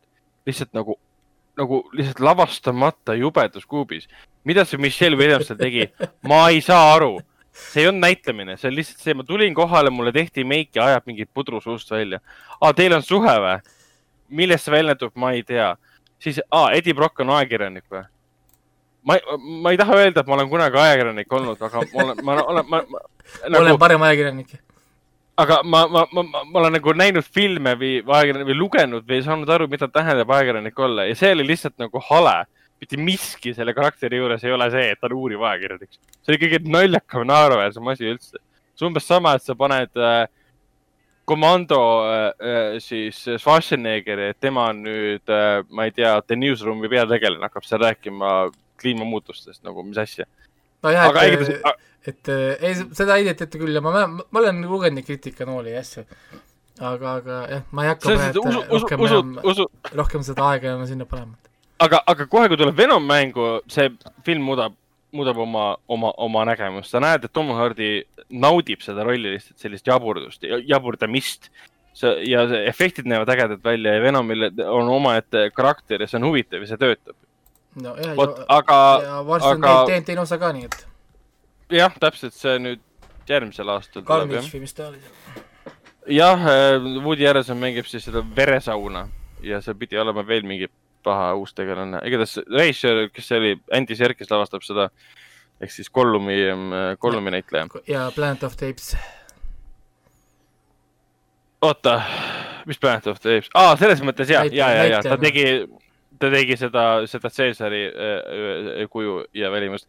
Netflixi jõuab siis ka selline krimifilm nagu Last Days of American Crime kus siis mängivad peaosades Michael Pitt, Sharto Copley, Edgar Ramirez. Edgar Ramirez näeb praegu tegelikult ka äh, Kuuba võrgustikus äh,. igaks juhuks kontrollin üle. mul ühel hetkel lähevad need narkose ja nende, nende, nende näitlejate nagu näod kõik juba segamini. ja, oota. Ja on küll jah, kõik on hästi, kõik on hästi kõik on hästi. aga see on kahe ja aga... pooletunnine film, et siis selles mõttes olge valmis. jah, ta on äh, praegu olemas, aga story on tal üsna, üsna huvitav, et põhimõtteliselt Ameerikas on igasugune kuritegevus äh, ühe signaali, mis paneb kurjategijate keha ja mõistuse seisma põhimõtteliselt äh, selle abil peatatud. aga siis Michael Pitti tegelaskuju annab siis Ramirez'e tegelaskujule võimaluse teha viimane Ameerika kuritegevus mis on päris huvitav aeg film välja lasta, vaadates seda, mis Ameerikas praegu toimub uh,. Netflixi suhtes mainime ära, et Thirteen Reasons Why neljas hooaeg jõudis sinna. mina olen Thirteen Reasons Why'st ära näinud ainult esimese hooaja.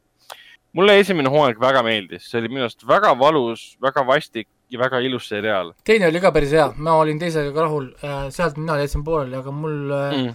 abikaasa on suur fänn ja. ma üldse ei imesta, sest ma saan aru, et selle seriaali kvaliteet nagu jätkub, aga ütleme, see üks, see üks laul, üks pala, mis see oli? Lord Huron vist, The Night We Met äh,. hästi armas lugu. muidu ma ei oleks selle loole nagu laulule mingit tähelepanu pööranud, aga tänu sellele, kuidas seda seriaalis kasutatakse, jääb alati mulle nagu kummitama. et aga kuna see seriaal pühendub niivõrd palju sellele, nendele valikutele või tegemata jäänud tegudele, mida me ei julgenud teha valikuid, mida me ei julgenud teha ja, ja mida need teised valikud tõid kaasa inimese surma, siis see on nii kuidagi südantvõõestav selle vaatama, sa tead, et see naine, see peategelane on, no üks peategelastest on surnud. sa tead seda esimesest hetkest alates. ja kui sa jõuad sinna hetke, kui ta lõpuks sureb, sa lihtsalt ei taha, et ta sureks. see on, no see on nagu see American Beauty kind of thing ju. American Beauty alguses ka ju peategelane on surnud ja meie ju teame, et ta sureb ära, siis story on nagu sellest, kuidas me sinnamaani jõuame. ah, jah, põhimõtteliselt, põhimõtteliselt. aga teine, teine hooaeg oli seotud äh, school shooting uga. ehk siis mm -hmm. neil oli see suur case, on ju, noh, nüüd nad juhtisid selle case'ini. koht, kohtasi jätkus selle. lahti, lahendus, mille käigul tuli siis see school shooting ja kolmanda hooaja story oli siis see, et see sportlane tapeti ära see on mingi Price või? see Price tapeti ära jah, ja siis selle ümber, neljandat ma isegi tean, mis story see on. Price oli see vägistaja? jep. ja, ja okei okay.. et see, et see Price'i story, aga kusjuures üllataval kombel see teine hooaeg tegelikult muudab seda Price'i äh, karakteri päris palju mm. -hmm. esimene hooaeg jätab tast ikka väga niisuguse rich boiled nagu yeah. ameeriklase mõttes see white privilege, whatever see fantaasia neil seal on, on ju, et ta võib teha, mis tahab ja, ja noh, on ju, whatever. siis see teine hooaeg tegelikult hakkab seda nagu äh, päris hästi tegelikult ümber nagu mainima. ja, ja tegelikult me näeme hästi palju tema poolt, vaadates, kuidas need sündmused kõik mängisid lahti nagu tema poolt, mida temalt mm -hmm. oodatakse kogu aeg, kuna ta on see ri-, rikas, populaarne supersportlane, on ju, mis ootused temal on, kuidas tema elu nagu välja näeb. ja, ja, ja reaalselt ongi, kui palju tüdrukud ennast talle selga kogu aeg viskavad, nagu noh, saad aru, noh, ühesõnaga, kuidas see nagu tema poolt nagu no, on. ja siis need tegelikult ei tundu enam, need sündmused üldse nii noh, retsid ja asjad, et nad mängivad sellega päris nagu palju.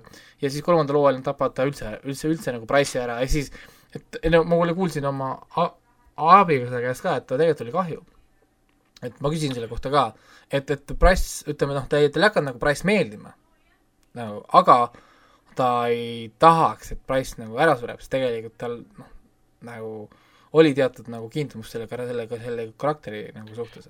nojah, see, see, selle pealt, kui nii võtta, siis see seriaal suudab minu arust väga hästi tutvustada vastikuid tegelasi, et aa ah,, see on vastik tegelane, me teame, et ta on um, pompus värvides, kes on vihane maailma üle umbes niimoodi ja, ja siis ta hakkab selgitama, näitama, mis on selle taga ükshaaval jah, võtabki ükshaaval läbi vanemad aina paremini, täpselt, aina mõistad teda aina paremini ja paremini ja paremini ja siis ühel hetkel nagu, kui sa oled temast täiesti aru saanud, siis see on nagu, sa ei mõista teda koheselt enam hukka, sa nagu mõistad tema käitumist. aga see seriaal nagu suudab sulle, kui ta teeb sulle samal ajal selgeks, kes see inimene on, siis ta, inimene hakkab muutuma samaaegselt ka kõikide teiste tegelaste jaoks. et esialgu ta tundus lihtsalt mingi kiusaja olevat, siis nüüd on, nüüd on täismaa. aga jah, mina olin algusest peale selle, kusjuures selle peategelase vastu. ta on kõige isekam karakter, kes on kurat ekraanile toodud sa tapad enna, mõtled... enna, ennast ära ja tõmbad nüüd kuradi kõik kaasa en- ah,, mingisugusesse yeah, yeah. nonsense äh, sündmusesse ja osad olid seal jumala mingi random asja pärast. Keegi sai kasseti sellepärast, et ta ütles talle mingi ühe sõna mingi asja kuskil, mingi what the fuck, sa tegid yeah. terve mingi kuradi kasseti, on ju, tapad ennast ära nüüd sellepärast, et kuradi keegi ütles sulle midagi nagu noh, tõesti, noh nagu what the, what the hell, ju.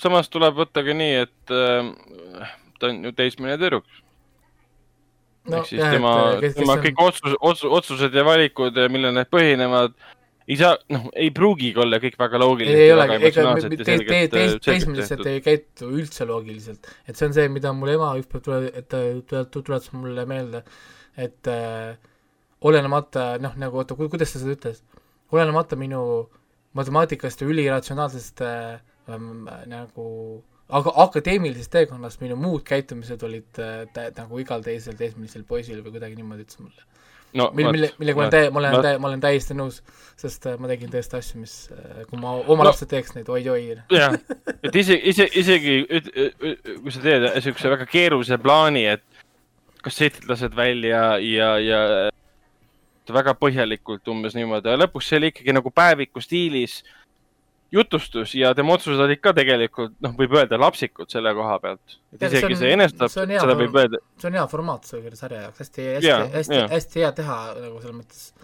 nagu aga kusjuures ma pole. viis äh, raamida seda, et. aga kas, kas, ma isegi ei tea seda, kas teine hooaeg jätkab sedasama raamiga? teine hooaeg nad teevad äh, tunnistamisega, et siis iga päev on okay. uus tunnistaja ja siis see tunnistaja nagu, kes istub nagu pinki, siis on nagu mm -hmm. tema nagu see noh, nagu story ja siis tema räägib nüüd seda sündmust jälle noh, nagu me näeme jälle nagu uuest nagu pilgust, vaata. ehk siis, kui mm -hmm. esimene hooaeg oli nagu kellegi kassett, siis mis iganes nimi oli, peategelase nimi juba meelest läinud, siis tema suhe siis selle inimesega, kellel see kassett on, siis nüüd oli nagu vastupidi, ja see inimene, kes tunnistab, tema suhe nüüd äh, siis selle, selle, selle sama tüdrukuga siis eelnevatel perioodidel.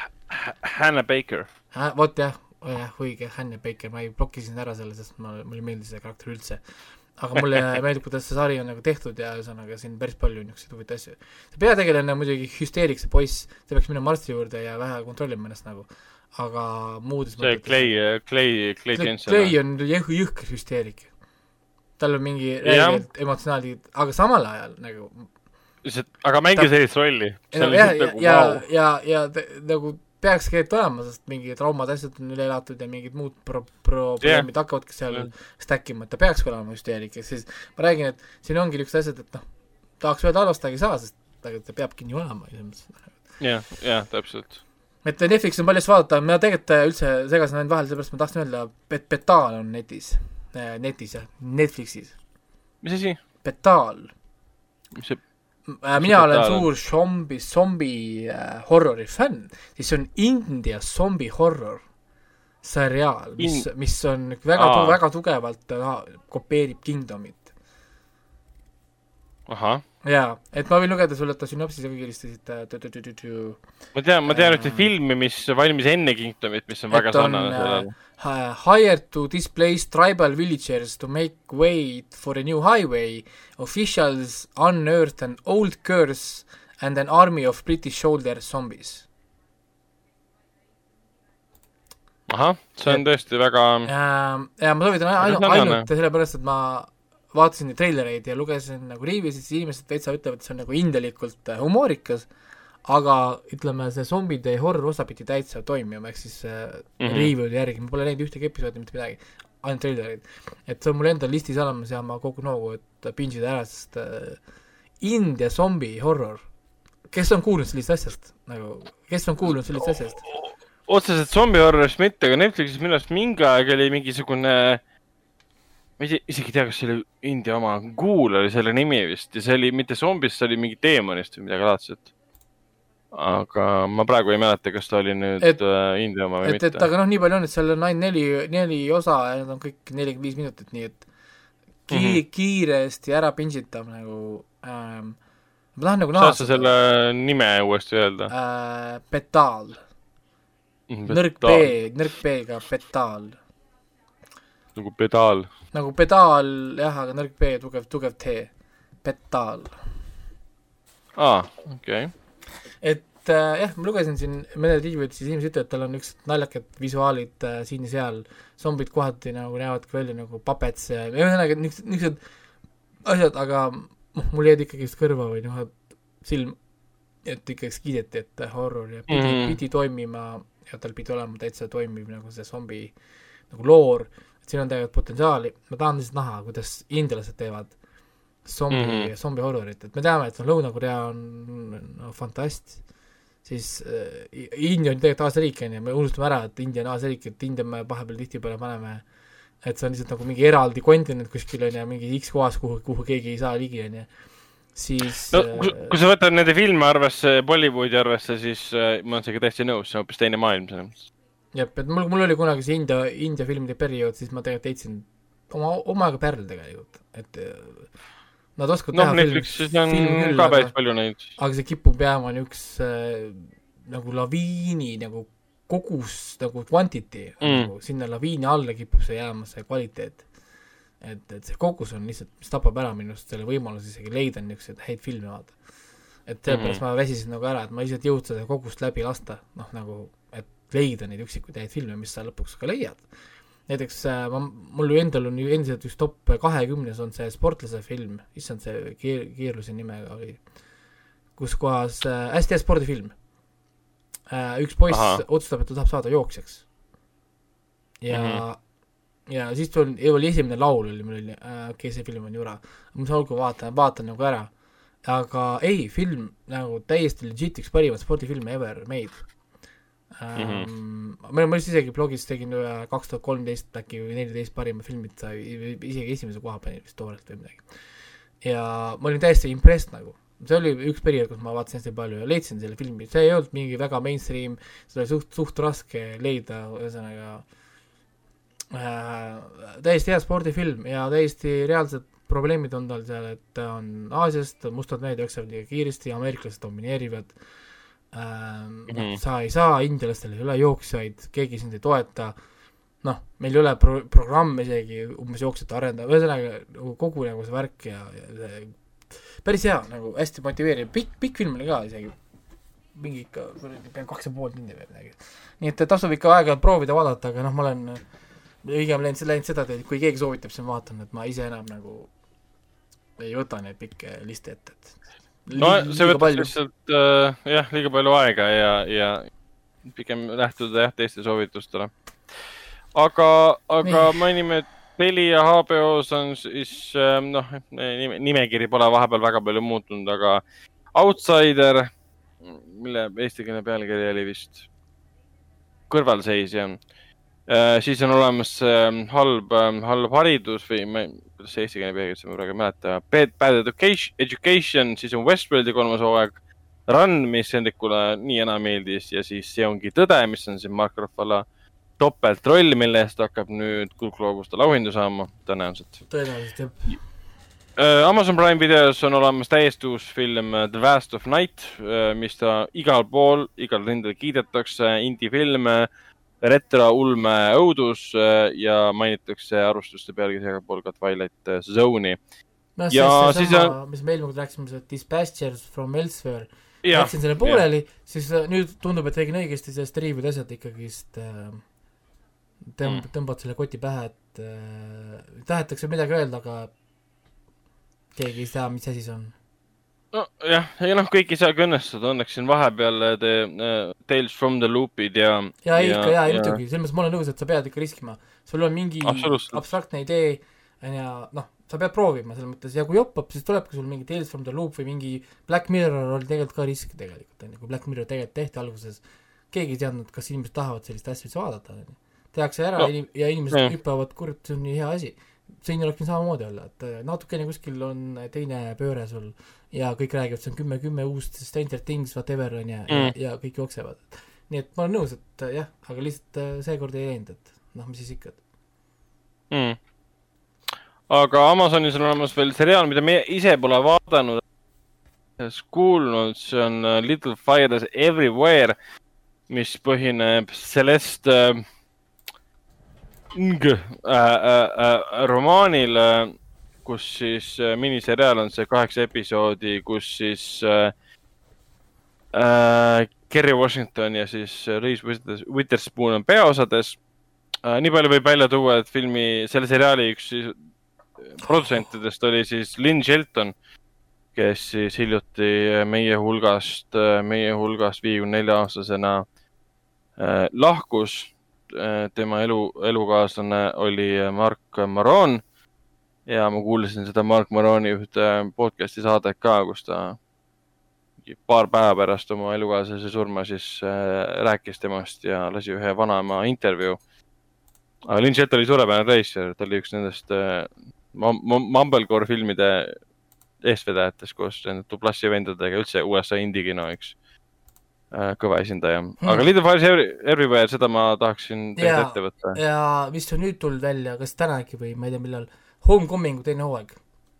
jaa äh,, endiselt ma pole seda seriaali vaadanud, esimeses hooajas oli, kes on, ei, mitte Sandra Bullock, vaid Julia, uh, Julia Roberts. jaa, Julia Roberts. ta, ei saa öelda, et oli esimeses hooajas, ta oli niisugune soojus soov, see on, see muutub.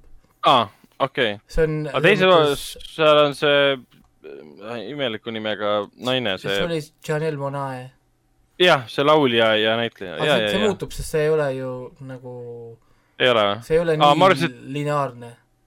okei okay,, okei okay,, okei okay., siis ma peaksin ta ei, ikkagi ette võtma. ta nagu on ja ei ole ka, ta, issand, seda, ta on nii tobeda struktuuriga sari, mida ei saa seda raske, raske seletada, aga see on huvitav selles mõttes, et tal on selline ma, vot täpselt, tal on selline see Tales from the Loopilik, selline Amazon Prime'ilik käe, käekiri on seal, et tal mm nagu tõmbab sisse ja sa jääd vaatama, et noh, teisel hooajal on nüüd täitsa uus story, ehk siis äh, ma ei tea, siin on põhimõtteliselt sünopsis on see, et äh, Jackie on ju, äh, ärkab siis äh, üles paadis, hõõrub keset järve, ta ei mäleta mitte midagi. ja mm -hmm. nüüd hakkab siis nagu see homecoming initiative, ühesõnaga tuleb, hakkab siis sellest mingi müsteerium pihta siis. Et see on kindlasti hea asi, sest selle ma panen ka listi endale, et ja The, The West of Night, siis ma ei tea, kas peaks vaatama seda või ei pea, kurat, poolteist tundi.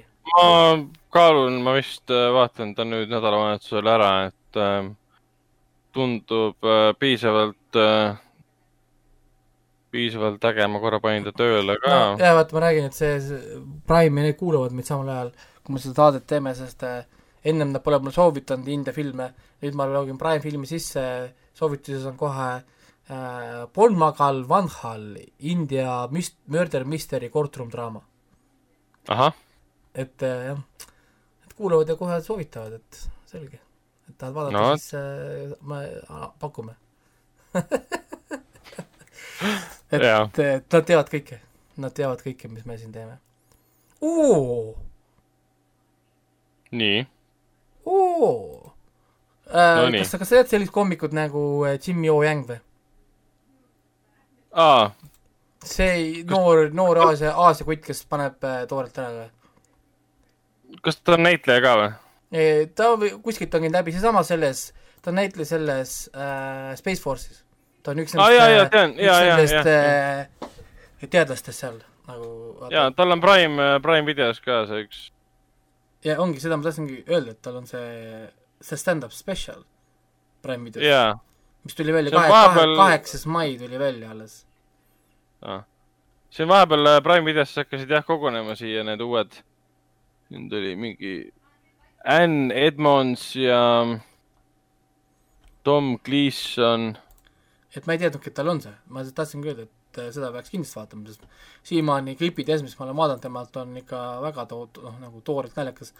Ma vaatan selle ära kindlasti, ma panen selle murliitmise taustale endale juurde miks ma seda ei leia praegu?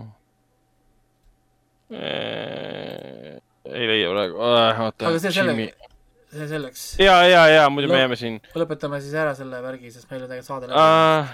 leidsin Jimmy üles ah,, esimene episood aa, tal on. okei okay,, igatahes, nii. Ja, ja viimasena Apple TV plussis on Central Park, äh, mida me keegi meist veel ei ole vaadanud kahjuks, aga, aga kaks episoodi aga..., ei, neli episoodi on väljas juba, neli episoodi on väljas. aga see on igatahes, igatahes plaanis ja sellest räägime ka järgmine kord pikemalt. aga, aga, aga pikema jututa loeks, loeme saate saateks ja eelmisel korral räägime uutest filmidest, uuest, uutest kinofilmidest. ja loodetavasti kinod jäävad lahti ja ei ole mingit probleemi. jah, et ma jõuan ka kindlasti kinno, aga mitte veel hetkel, kuni ma seda ühte mängu siin äh, raiun. ma ei lähe kuskile, aga ma varsti olen juba kinos tagasi. ja varsti sa võid siis äh, rääkida meile, mis mäng see on jah, sest pähe. sellest tuleb ju HBO-sse ka see sari. nii et äh, mõelge välja. oli, oli HBO või? oli HBO. HBO jah, ja HBO Maxiga, mis oli järgmine aasta mai, oli planeeritud äh, reliis, nii et, või juuni või? Ühesõnaga no, on... aasta, aasta aega peaks võib-olla minna. siis me peaksime saama esimese hooaja sellest asjast. ja me ei saa välja öelda, mis okei okay,, aga järgmise korrani siis räägime see oli, tšau. Davai.